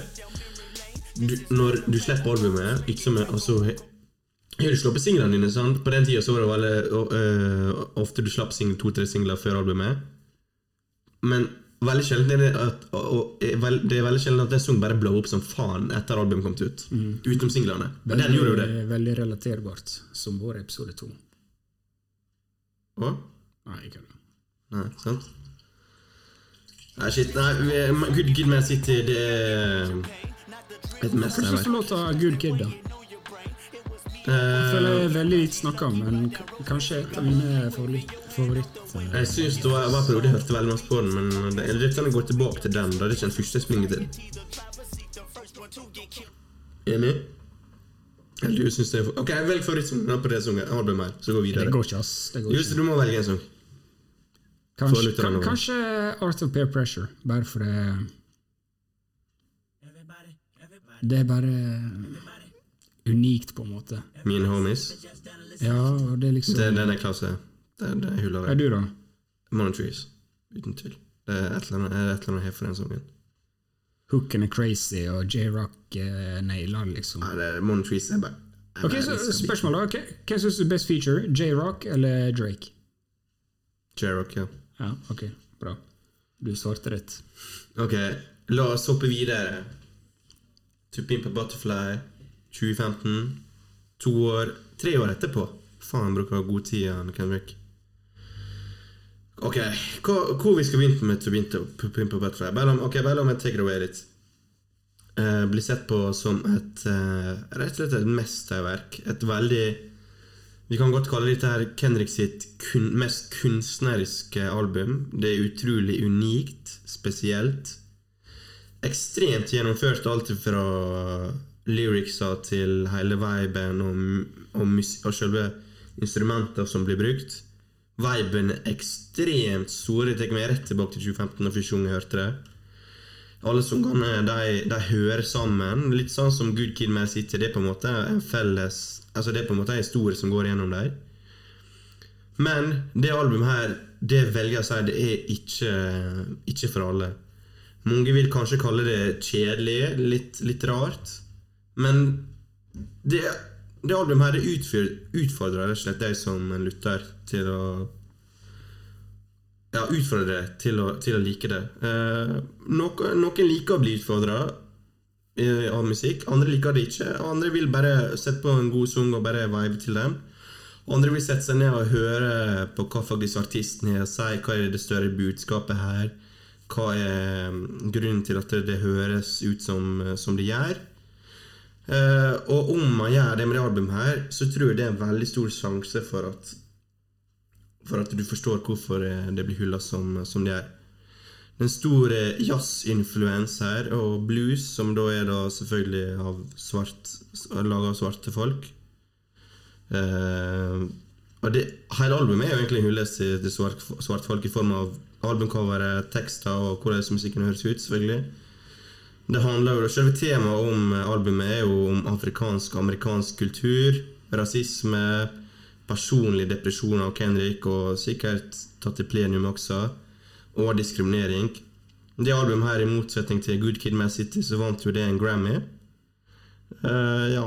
uh, ikke, hva, hva, hva vil du si om det albumet her? Det, jeg syns det er så rart, vanskelig å sette ord på det, for jeg føler meg litt dum når jeg hører på det. Jeg tror du sa det veldig godt når eh, Hva var det du sa? At ikke så mange liker det? Eller hva du sa? Utfordrer lytteren. Ja. Eh, og jeg husker ikke hvor jeg låste det, eh, dessverre, men jeg syns det forklarte det veldig godt. Og det er setninga at det er kanskje lettere å beundre det enn å nyte det. Ja, det var godt sagt. Ja. Jeg syns det oppsummerer dette albumet veldig godt. Og spesielt for oss to hvite gutter i Bergen, liksom. Eh, vi skjønner jo at det er bra, og, men det er ikke alt som like forstår, du forstår like godt, eller er relaterbart for den del. Ja. Men det- du får med en gang da en opplevelse, eller liksom følelsen av at det, det her er Ditt, ditt, ditt album her, det er en opplevelse. Det er det det. Det, det er jeg er rett Ja, det, igjennom. det, det, er et, det er ikke så mye et album som det er et kombinert film, teaterstykke, ei bok. Det er et kunststykke uten like, på en måte. Det er, ja. Det er så dens og Nå høres det jo veldig pompøs ut, men det er virkelig det. Altså. Det, er, det er noe helt unikt. Ja, det, det er veldig unikt, og det gir meg den følelsen som jeg har av veldig få album, at jeg vet så mye høyere sangene som jeg har lyst til å bare Jeg har lyst til å høre hele albumet. At det gir meg den følelsen at uh, det er en event, på en måte. Mm. At det, det er ikke bare sveppe inn disse sangene her. så- Det er ikke like lett å bare ta på én eller to sanger her. Nei. Det her er sånn, Du bør kanskje starte på én, og faktisk høre igjennom. Mm. Husker ikke hva vi snakket om det, det var et album vi snakket om tidligere i dag, der jeg sa at du kan Jo, Benny the Bitches album, eller TI, du kan sette på en, en sang eller to eller tre eller fire og bare vibe. Men her litt vanskeligere. Det er selvfølgelig for noen få unntak. Uh, These Walls, for eksempel. King Kunta, det er jo en singel. Uh, og All Right, selvfølgelig. Det er jo store sanger. Men albumet i sin helhet, så blir den til disse sangene mye bedre enn når du hører på det. Absolutt. Og selv når det er en time og 18 minutter, liksom, men det, det er igjen den følelsen av at det føles ikke så langt. Du blir liksom litt sugd inn i eh, en annen verden. Og det ikke, og det, jeg føler ikke Kendrick snakker si historie her engang. Han snakker alle svarte folks historie, på en måte, i USA, i kanten, hvor det måtte være. Jeg føler ikke dette er hans historie. Her er han, tar han liksom inn Han tar inn alle former for svart kultur, da, med tanke på hva som gått før rapp, i, i form av jazzen og bluesen her. Det er så mange inspirasjonskilder her. og jeg føler det albumet her er han laga i, i samarbeid med andre, andre musikere fra helt andre felt enn hiphop. For dette albumet her Jeg hører ikke noe på jazz. Og det albumet her høres veldig ut som et Du, du kan nesten si det er et jazzalbum, spør du meg. Med rapping over. Den sounden her er jo Jeg kommer ikke til å høre noe lignende før eller etter. Jeg er helt enig. altså. Det, det i hvert fall sånn som hiphop vi kjenner i dag, er veldig annerledes. Veldig jazzinspirert. Og det var det da også. Altså ja, det- ja, når jeg sier i dag, ut. så tenker jeg på Ja. da, det kom ut, liksom. Um, Du hører trommene, alt, hele jeg, er jeg sier ikke at du er feil når du sier det er jazzinspirert. Det er jo det. Det er jo det. Men at det er et jazzalbum Føler ikke helt på Nei, det, Nei, det var satt jeg litt på spissen. ja. Jeg er enig, det er ikke et jazzalbum. Jeg, jeg hører ikke veldig ofte på dette albumet. da Nei. Selv hvor mye jeg setter pris på det, og jeg føler Jeg føler meg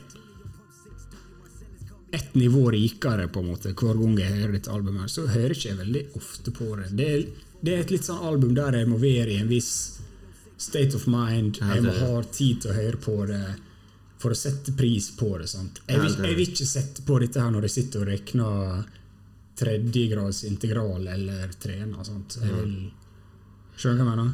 Ja, jeg er helt med på det, på det her. Og det som jeg sa, jeg føler meg litt dum når jeg hører på det. For det har så mange lag i seg, det albumet her. Og det er så mange layers. Og jeg skjønner ikke alt.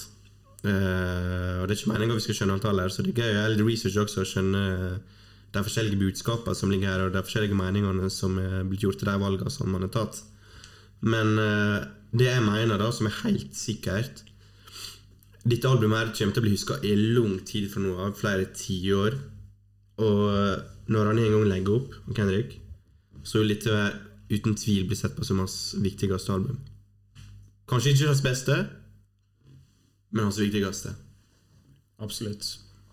Og eh, det er jo kanskje det her som skiller Kendrick seg fra mange andre. At uh, i denne streaming-æraen era, mm. så uh, han lager fortsatt album. Ja, Altså, Konseptalbum, faktisk. Ja, det, Det er rød tråd, faktisk, altså det er en jævlig sterk rød tråd gjennom hele albumet. ja, det er ikke sånn som Ty Dolla Sign sitt, at det er Bare sette på fram og tilbake og hulter til bulter. Det er en ja, du vil høre albumet. Og det er veldig unikt at eh, Kendrick er så stor, og allikevel så holder han seg så til de gamle prinsippene, kan du si, av det å faktisk lage et album-album. Ja. Og albumet blir jo da avslutta med Der han faktisk intervjuer Tupac sjøl. Det er ikke sant. han er jo selvfølgelig død, Tupac. Men han intervjuer Tupac. Han setter jo sammen lyd, lyden som at han Ja, intervjuer det, ja, det er han. Han er ikke intervjua. Nei, selvfølgelig ikke. Og det intervjuet er jo et svensk Nei, Kendrick var jo en Jeg kid. husker han Park døde, det er ikke du. Kjeften. Hva, hva snakker du om? Det intervjuet her er jo Tupac et veldig sjeldent intervju han gjorde med svensk TV, faktisk, som han setter opp mot seg sjøl, han Kendrick. Uh, Ken, Tupac er jo Kendricks store idol. Og eh, jeg føler jo Kendrick er jo Tupac er jo nesten uh, reborn. Det tenkte jeg veldig ofte på når det albumet her kom. så fall. Men ja, hva uh, Så mener du at uh, Kendrick er den viktigste, kan du si? Hvis du sier Park er den viktigste rapperen noen gang, Mm. å se eh, influens både sosiopolitisk og musikalsk, mener du at Kendrick er den viktigste rapperen? Hvis vi Jeg tror når vi skal summere opp. Marton når vi er blitt veldig gamle, ja, så tror jeg han er der. Okay. Og eh, det Kendrick driver med nå, det er litt vanskelig å se det, fordi han er jo her fortsatt med oss. Og vi setter dessverre ikke like stor pris på de som eh, faktisk lever, enn de som er døde. Så eh, jeg tror eh, om noen år ja, Henrik kommer til å være eh, nesten unbeatable. Ok, Så selv om dette er et album-album, gi meg topp tre låter du vil høre på fra dette albumet. her. Yes, uh, These Walls. Mm. Uh, how Much A Dollar Cost. Mm. Og så står det mellom All Right og You Ain't Gotta Lie. Mamma said. Ok. Du, da? How much dull cost? Det, er liksom bare en låt i annen klasse for meg. Det skulle egentlig ha et album med det. Nei, albumet skulle egentlig hete How Much dull Cost. Jeg likte likt det bedre. Det var det? Ja? Ja. Ok. Eh, ja, How much a cost? Jeg liker, jeg liker All Right. Jeg liker King Kunta også, jeg må bare si det. Jeg, jeg er enig. Jeg liker These Walls, jeg også, men for, liksom Jeg tror How much dull cost, bare for den er så annerledes. All Right. Du kan ikke gå utenom den. Jeg har problemer med å velge nummer tre, altså mellom These Walls, I Eller jeg elsker I. Jeg er med også. Ja, og Jeg liker King Kunta mer. da. The Black and the Berry. King Kunta, jeg mer liker den, men jeg syns ikke den er Den er uansett hvor bra den er, så er jeg på et nivå under de okay, andre. Okay. Vanskelig å velge, altså. Det, det er så bra album. Det er vanskelig å velge tre favoritter. Og det er litt, litt også når vi sier at du kan ikke være på dette albumet bare en Altså, du kan finne gode sanger du kan høre alene også. Det er ikke det. Ja, det er bare hele Selv opplevelsen får du når du hører albumet fra stopp til bunn. Mm. Punktum. Da har vi bare sagt det. Skal vi hoppe videre? Ja, vi hopper videre. Uh, greit. Vi hopper videre til 2017 fra 2015. For det er et album Hva er det med albumet mellom? Det heter jo Untitled. Det er jo da Lucy's og sanger som egentlig ikke kom med på det albumet her. da Hater det albumet. Jeg syns det var nice, jeg hørte på det når det droppa. Men jeg har ikke hørt på det siden. Men du hører det samme viben, da. Samme sound. Vi skal ikke snakke så mye om det. Det blir ikke medregna som et av en låt som ikke finnes. Hopp til Jeg liker det. Hør det. Ja, ok. La meg bare melde det her, da. Fram til Damn så var Kendrick kanskje vår generasjons beste rapper. Men når Damn kom, så ble han også den største. Det er jo hans mest mainstream, mainstream album, om vi kan si det slik. Eh, Det gjorde Kendrick til eh, ei stor superstjerne. Fram til dem så brydde han seg f.eks. ikke om noe særlig om eh, fashion osv. Når, når den kom, så ble energien hans helt annerledes. Du så han som regel i bare white tees og noen kule sko og noen jeans. Når den kom, så gikk han inn i den Kung Fu Kenny-rolla. Du så hele eh, Hele viben hans ble helt annerledes, som sagt. Uh, han solgte ikke ut arena været rundt før dette heller, og det gjorde han når den kom. Mange store hits på det albumet her. Mange store stadionsanger. Men uansett om det er mange store hits, og jeg sier at det er mainstream, så har det også en viss uh, substans og tyngde i seg, og det er faktisk Jeg vil til punktet også kalle det et Det er også et konseptalbum. Ikke i like stor grad som de, de to andre, men uh, til en viss grad. Uh, ja, Det gjør at han skiller seg ut fra de aller fleste eh, andre album som kom i 2017 og, og tidligere, og etter det også. Så jeg føler egentlig alt Kendrick toucher, det, det gjør han til noe litt sånn ekstra. Litt mer spesielt. Tanker? Ja, for han vant jo Pulitzer-prisen for det albumet her. Ja, for jeg trodde det var Pimp a Butterfly han vant det med, men det var den. Eh, Han vant jo det for det her, og det er jo litt morsomt, for det Det er det første albumet som har vunnet Pulitzer-prisen i musikk, som ikke er et klassisk verk eller jazz. Så det sier, det sier jo seg sjøl altså, hva nivå det albumet her er på. Og mange mener jo sånn, sånne vanlige menn i gata som er jo deg, da, kan du si, at uh, han vant det bare fordi han ikke fikk det for Ja. Butterfly. For det, dette albumet er ikke så bra. Men hvis du ser på metacritic.com, for eksempel, så er liksom ei samling av musikkritikere, da, så er dette her eh, 95 av 100 poeng. Det er sjukt. Ja, mens To Pimp a Butterfly den er riktignok 96. Men 95 det er, altså det er så høyt. da. Det, det er ingen som har 95-album. Nesten ingen som er Nei, og Jeg føler jeg ser hele tida folk snakker om dette albumet, her, og det er trash. Ikke trash, men det er overvurdert. sant? Skjønner, Ja, ja, ja. skjønner du igjen hva jeg sier? hva. Ja, det, Det er det er ikke så bra, det er for mainstream. Section 80 er bedre. sant? Det er bullshit. Mm. Eh, ja, det er bullshit. Folk bare har lyst til å være kontroversielle og si at uh, Section 80 er bedre. Det er ikke det. Jeg også var litt innpå det en stund, men det er ikke det i det hele tatt. Og selv om det er liksom radiosanger her, ja, hvor mange radiosanger er det egentlig? Det er kanskje Humble og DNA og Loyalty. Resten er liksom det samme greia, Hey, bare med litt annet spill. hey, du er love. Ja, Love også. Featuring Sakari det er en radiosang, men en jævlig chill sang. Ja, jeg syns Love og Loyalty Ingenting på dette albumet her gjør. Jeg liker begge to. Nei, jeg synes det er fuck disse sangene her. Det er samme som Poetic Justice. Altså, Det er ingenting her å gjøre. Hvorfor kan ikke ha kjærlighetssanger, bro? Nei, det, det passer ikke inn. Folk kan snakke om kjærlighet på også. Nei, eh, de har ingenting her å gi. Det er ingenting, jeg, det er helt uenig. Jeg liker begge dette sangene veldig godt. Nei, jeg synes de er så trash. Ok, Men uansett, veldig introspektiv album også. Loyalty, loyalty. Det er jo klasse! Hvordan, Nei, du, du, du er jo hooken allerede. Det er limt på Ja, det er cringy som For faen. kjærten din. Det handler om hvordan han takler famen, ulike kamper med seg sjøl. og jeg føler egentlig, og Kendrick har også sagt det sjøl, at dette er på en måte en liten blanding av hans tidligere verk. Hans, tidligere album. Han, er jo liksom harde beats som det han på Good Kid Man City, og han er på en måte liksom mening bak det også som To Pimp a Butterfly. Har du tenkt over at du kan spille album baklengs? Så det er så liksom Har du sett den spinnen på det? At du kan liksom På, på Duckworth, helt på slutten av den sungen, så kan du spille albumet baklengs? Sånn som det er, ja. Ja. Jeg holder LP-en i hånda mi her, folkens. Du kan spille baklengs. Nei, dette er ikke baklengs. Jo. Jo, det er det. Nei, det er ikke det. Nei, det er ikke det. Eh, nei, ja, men det er sant. Det er sant. Uh, jeg vet ikke hva Ja, det er sant. Hva, hva du på å si? Det var egentlig bare det. Du la merke til den spinnen, sant? Uh, At du at det, eh, det er på en måte en fortelling som kan gå spilles både baklengs og framlengs.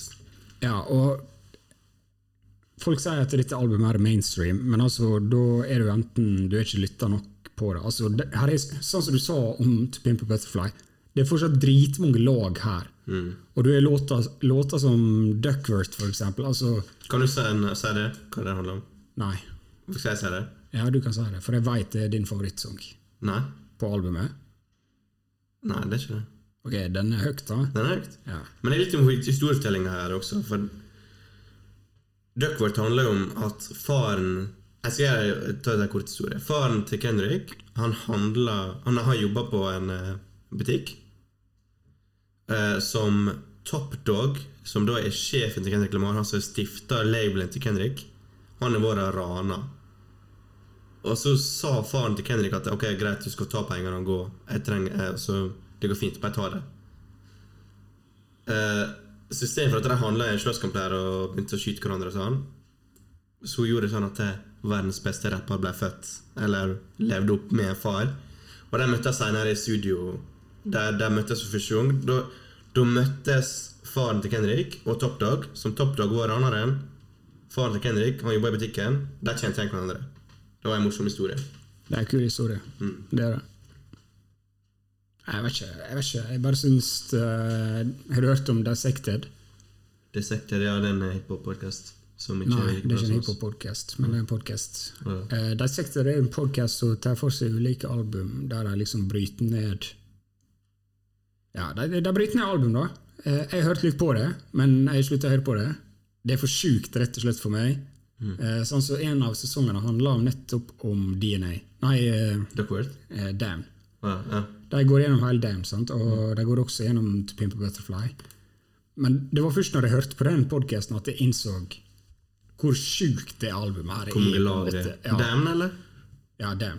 Ja, altså, for, selvfølgelig To Pimp Butterfly men, Men Damn er et veldig personlig album, og det liker jeg. at når ikke bli personlig Eller jeg liker det generelt med artister. Ja, og To Pimp Butterfly, du skjønner med en gang det er noe spesielt. Men dem, du kan liksom lytte gjennom det, og det er bare et album på et måte. Ja, Du trenger ikke å tenke at det er noe dypere mening. Nei, sant? Og, men, men altså Jeg vet ikke hva jeg skal si. Det, fuck det hvis du mener det er et dårlig eller oppskrytt album. liksom. Det, det er et skambra album. Og eh, jeg vet ikke hva jeg skal si. Altså, Jeg, jeg spilte ditt album i stykker når det kom. Altså, Jeg er nesten ødelagt jeg har hørt på det så masse. Og jeg hørte på det igjen nå når vi for å forberede meg til episoder. Og vet du hva, jeg blir får fortsatt samme viben. Og ditt album her, det er å stemme meg i knekket, og det, det er også Altså, det albumet her, det, det er klasse. det er det. Visste du at uh, Hva han heter Mike Will? Will Made It. Ja, Så lagde beaten til Humble. Ja. At den egentlig var til Gucci Mane.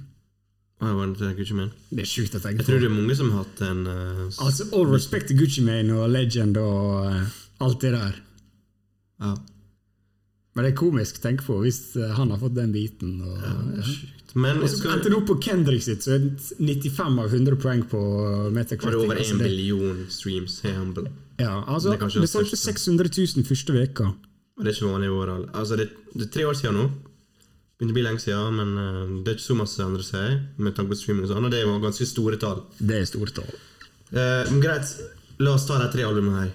Eller fire, hvis vi tar med Section 80. Ok, men vent litt, da. Få spørre deg, da. Mm. Favorittlåta av Damn? La meg se, pille opp tracklisten her. Favorittlåta på, på Damn, uten tvil DNA. Element. Og ah, Den siste er vanskelig. Jeg sier uh, Fear. Ok, kult. Du, da?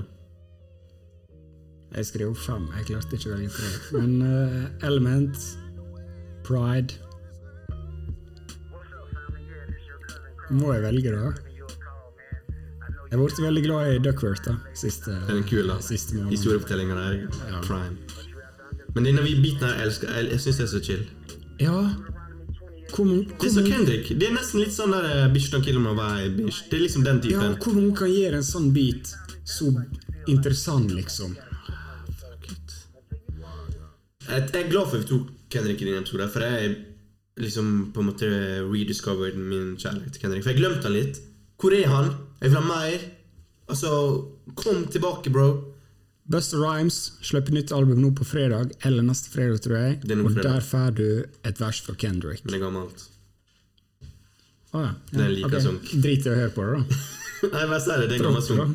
Jeg kjørte det, men jeg bare sier det. Det, det er gammelt. Beklager litt. Det det Men he- ok, han tok tre classics i Good Kid Messy til ja, La oss ta overall-diskusjon. Ok, ok, jeg- classics. jeg- La meg bare si det her først. Jeg, bare for å oppsummere for min del. Jeg føler Good Kid Mad City og Damn uten tvil størst replay value. Men To Pimp a Butterfly er en opplevelse som blir best når man hører på al- albumet i sin helhet. Er det en grei oppsummering? Bare sånn Ja, jeg tror folk flest er enig i det. Jeg er også enig i det. ja. Men tre classics, er det det?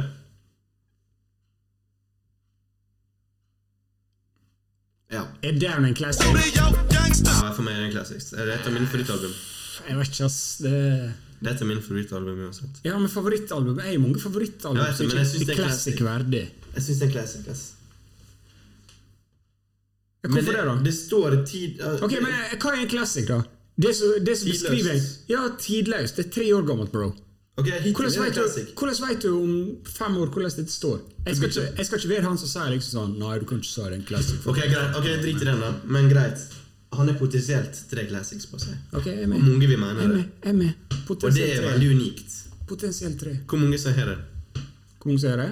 Tre første album. Tre første. Det er jo ikke tre første album. Altså. Nei, men hvis vi ikke tar med seksjonering 80 Da har vi Det er ikke sånn det funker, Da bro. har har vi Outcast, Kanye, Eminem, har vi Nas. Tribe Tribe Called eh, Quest. Det er et- en Jailer? gruppe som oppsto på Ja, seint 80-tall. vet jo det. Ja. Uh, Nas Nei, ikke Nas. JC, nei. Fuck deg om du sier Vol 1, Vol 2, Vol 3 Classics. Faen, jeg liker Vol 2 og 3, ass. Classics? Nei, jeg syns det er klasse, men ikke Classics. Men uh, greit, greit, greit. greit, greit, greit. Vi, vi var jo på konsert, Marton. Hva du syns du om den? Hva med Benny the Butcher? Tre. Eh, Vi, snak, vi har snakket vi, dytter er rekord. Vi lengste Ja, okay, vår. Uh, Eh, hva du- hva du spørste om? Konserten, hva syns du? Tanker? Vi var jo på konsert. Det er kanskje eneste konserten vi var på lag hiphop. Eller noe, uansett sjanger. Syns det var en bra konsert, men kanskje litt lite personlighet. Han var jo aleine på scenen hele tida. Ja. Han er litt liten eh, sånn i størrelse, Henrik. Men jeg vet ikke Det var Telenor Arena. Telenor Arena er trash. Ja, Det er liksom vanskelig å gi det personlig der. Kom ganske close han ass, på favorittsangen min, Monetrees. Da kom han opp og se Og var midt ute i havet. Gikk opp. Det var flaks. Jeg har litt historie med den konserten. Vi var jo en stor gjeng greier. Jeg hadde billettene. Ansvaret for billettene. Da var jeg med på konsert. Pila rett fram, sant. Skal liksom komme fremst, eh, fremst lengst, eh, nei, lengst mulig fram. Da har vi sendt samme billett to ganger til eh, to av mine venner. Så Torvald Ringstad sto og slapp faen ikke inn. Jeg står nesten helt fram. Har jo ikke dekning, sant. Det er så krise. Så kom eh, dama til Torvald på den tida, Pernille, og, eh, og endelig fikk tak i meg. Jeg måtte gå tilbake og hente Torvald og liksom vise vakta at han har bedre i kveld. Akkurat når jeg kom dit, så var Torvald på vei til å gå. Så jeg klarte akkurat å gyve tak i alt. Så det var litt sånn dempa på eh, Han var litt sur, da. Men utenom det var det en ganske fin men hvem opplevelse. The greatest rapper of all time? Nei. Men La meg bare si det. Han bør bli det om et par år. Hvis han fortsetter det, det her. Ok, ja, Hvis han fortsetter det her, selvfølgelig. Men altså Folk er jo Biggie. Mange som er Biggie som the goat. Jeg mener vi burde ta litt sånn. Dette er vår generasjon. Dette er min generasjon. Nå burde vi liksom bare Det er ingen som har gjort dette her som Kendrick. Nei, men det er jo det jeg prøver å si. Altså, det er ingen som har Ja, sånn som du sier, da, Section 80 det er et bra album, men det er ikke i nærheten til de tre neste. Hvor mange som har den porteføljen som Kendrick har? da? Spekteret er ekstremt stort. Kanskje Out, eller Outcast er bedre, mener jeg da. Um, Ja, men jeg, jeg føler stilen til han, også er liksom en blanding av sine favorittrappere. Liksom, han, han er god til å lage til stemmen sin og. Og veldig sånn ulike karakterer. Det føler jeg liksom Lill Lil Wayne. Han har liksom visdommen og liksom den der eh, quote, quote-worthy greia til, til Jay, som er favorittrapperen hans. Han er quotable. Kendrick. Han er quotable. jeg sier ikke at han uh, quote, ikke er quotable. Jeg bare JC var den beste du kunne komme på med. Jeg, jeg bare sa, tok, sa det fordi jeg var favorittrapperen hans. Og Eminem, med tanke på rappability og historiefortellinga hans. Og jeg, jeg føler liksom nesten Kendrick Hvorfor så liksom, ikke du Park? jeg, ja, han kunne være Park. Ja. Jeg føler liksom han er en blanding av alle disse her samla i én rapper. da Og det syns jeg er unikt. Så, og, og i Ok, okay, men tror ikke, tror ikke om ti år så får vi eh, en ny rapper som er Enda bedre. av Enda mer komplett.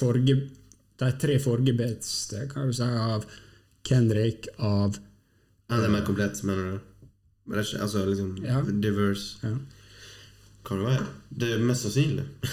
Ok, for, ja, for det jeg tenker da, sånn hiphop sant, det har alltid vært eh, battle raps og freestyles og competitivt og sånt. Han er jo flink der. Han er jo kanskje best i klassen. I hva? Det du sa. Ja, altså Poenget mitt er da at um,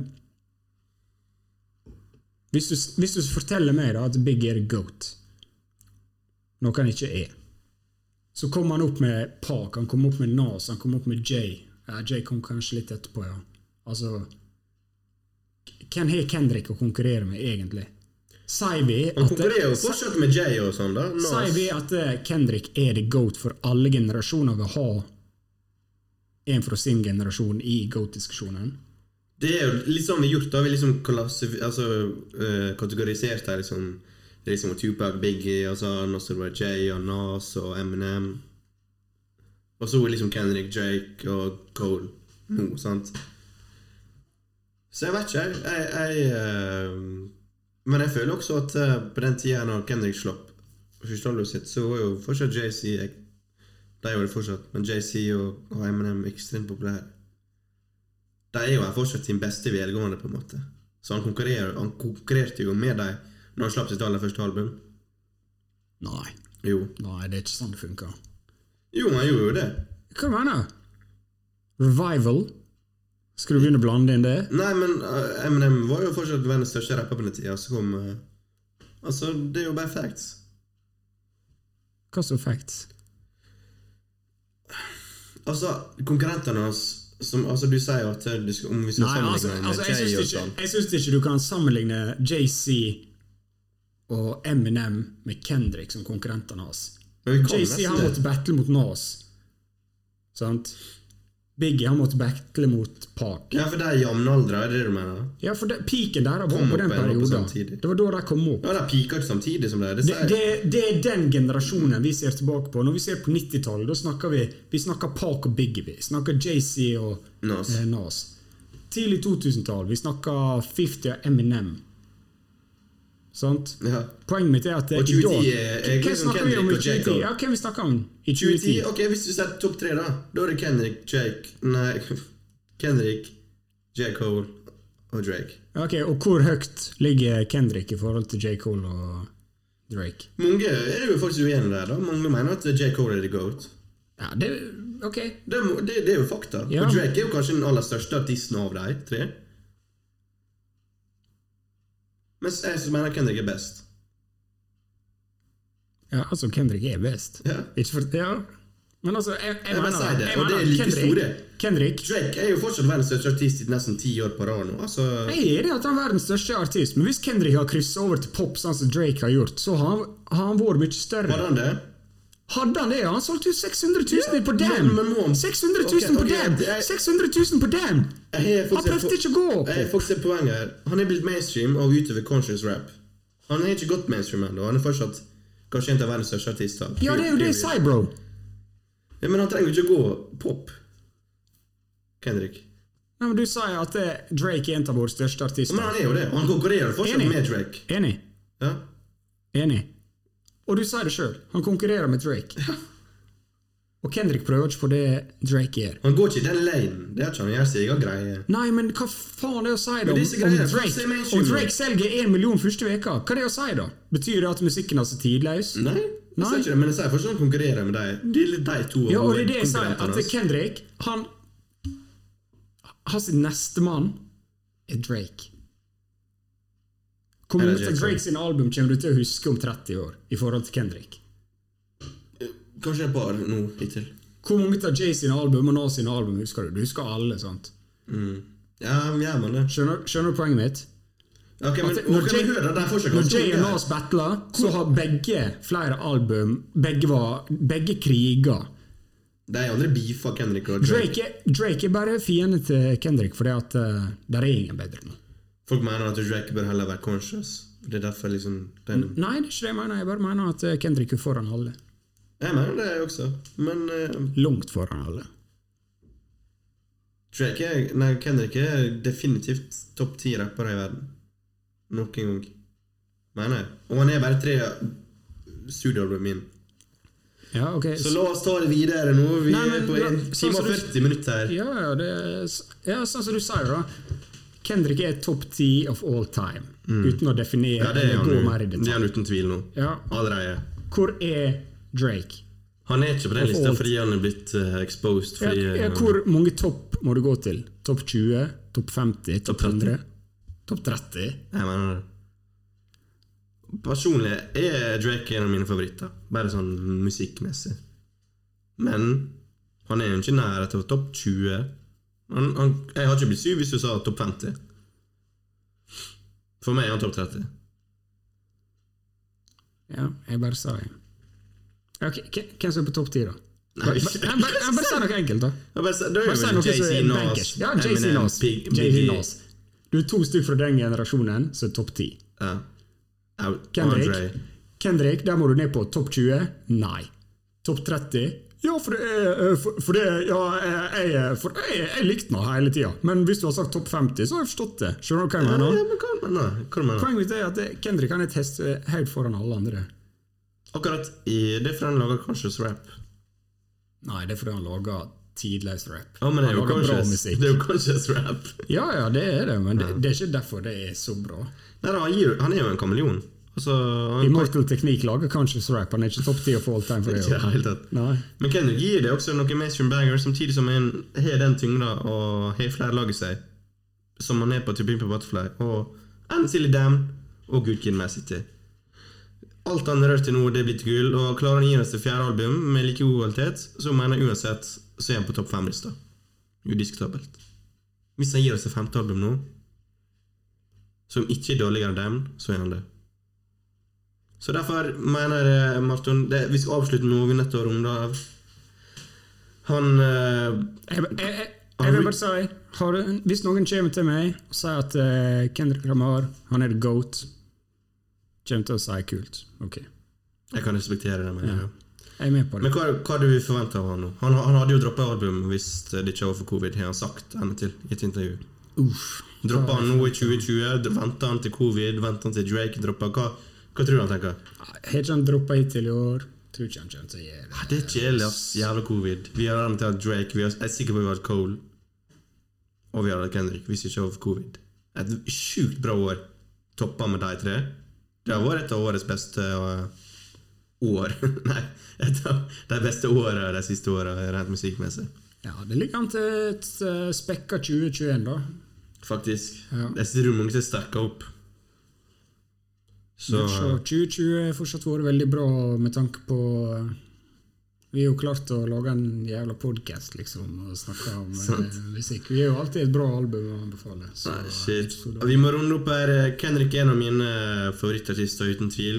Hva tenker, er du enig i det, Henrik? Nei, Martin? Jeg er enig i det. jeg er enig i det. Hvis du skal arrangere albumet hans kjapt Må ha To Pimp Butterfly på toppen. Good Kid. Og dem? Damn. Section 80. Overly dedicated meg. Den mixtapen er ganske bra. Og må også nevne The Black Panther-album. Vant jo Oscar. Trash, altså. Nei, ikke Oscar. Du syns det er trash? Ja, det er trash. Nei, det er bra. Og det er jo produsert av Kendrick. Han er jo over hele det albumet, selv om han ikke er på alle sangene. Så jeg har sin influens der. Så uansett, vi er nødt til å runde her. Det er Tines lengste studiogangsterepisode. Tusen takk for eh, at du hørte på. Vi ser fram til å se hva slags Kendrick Lamar vi får se neste gang han, eh, han kommer fram i, lyset igjen. Tusen takk for at du hørte på. Vi, eh, vi ses igjen om, eh, om to uker. Ha det bra.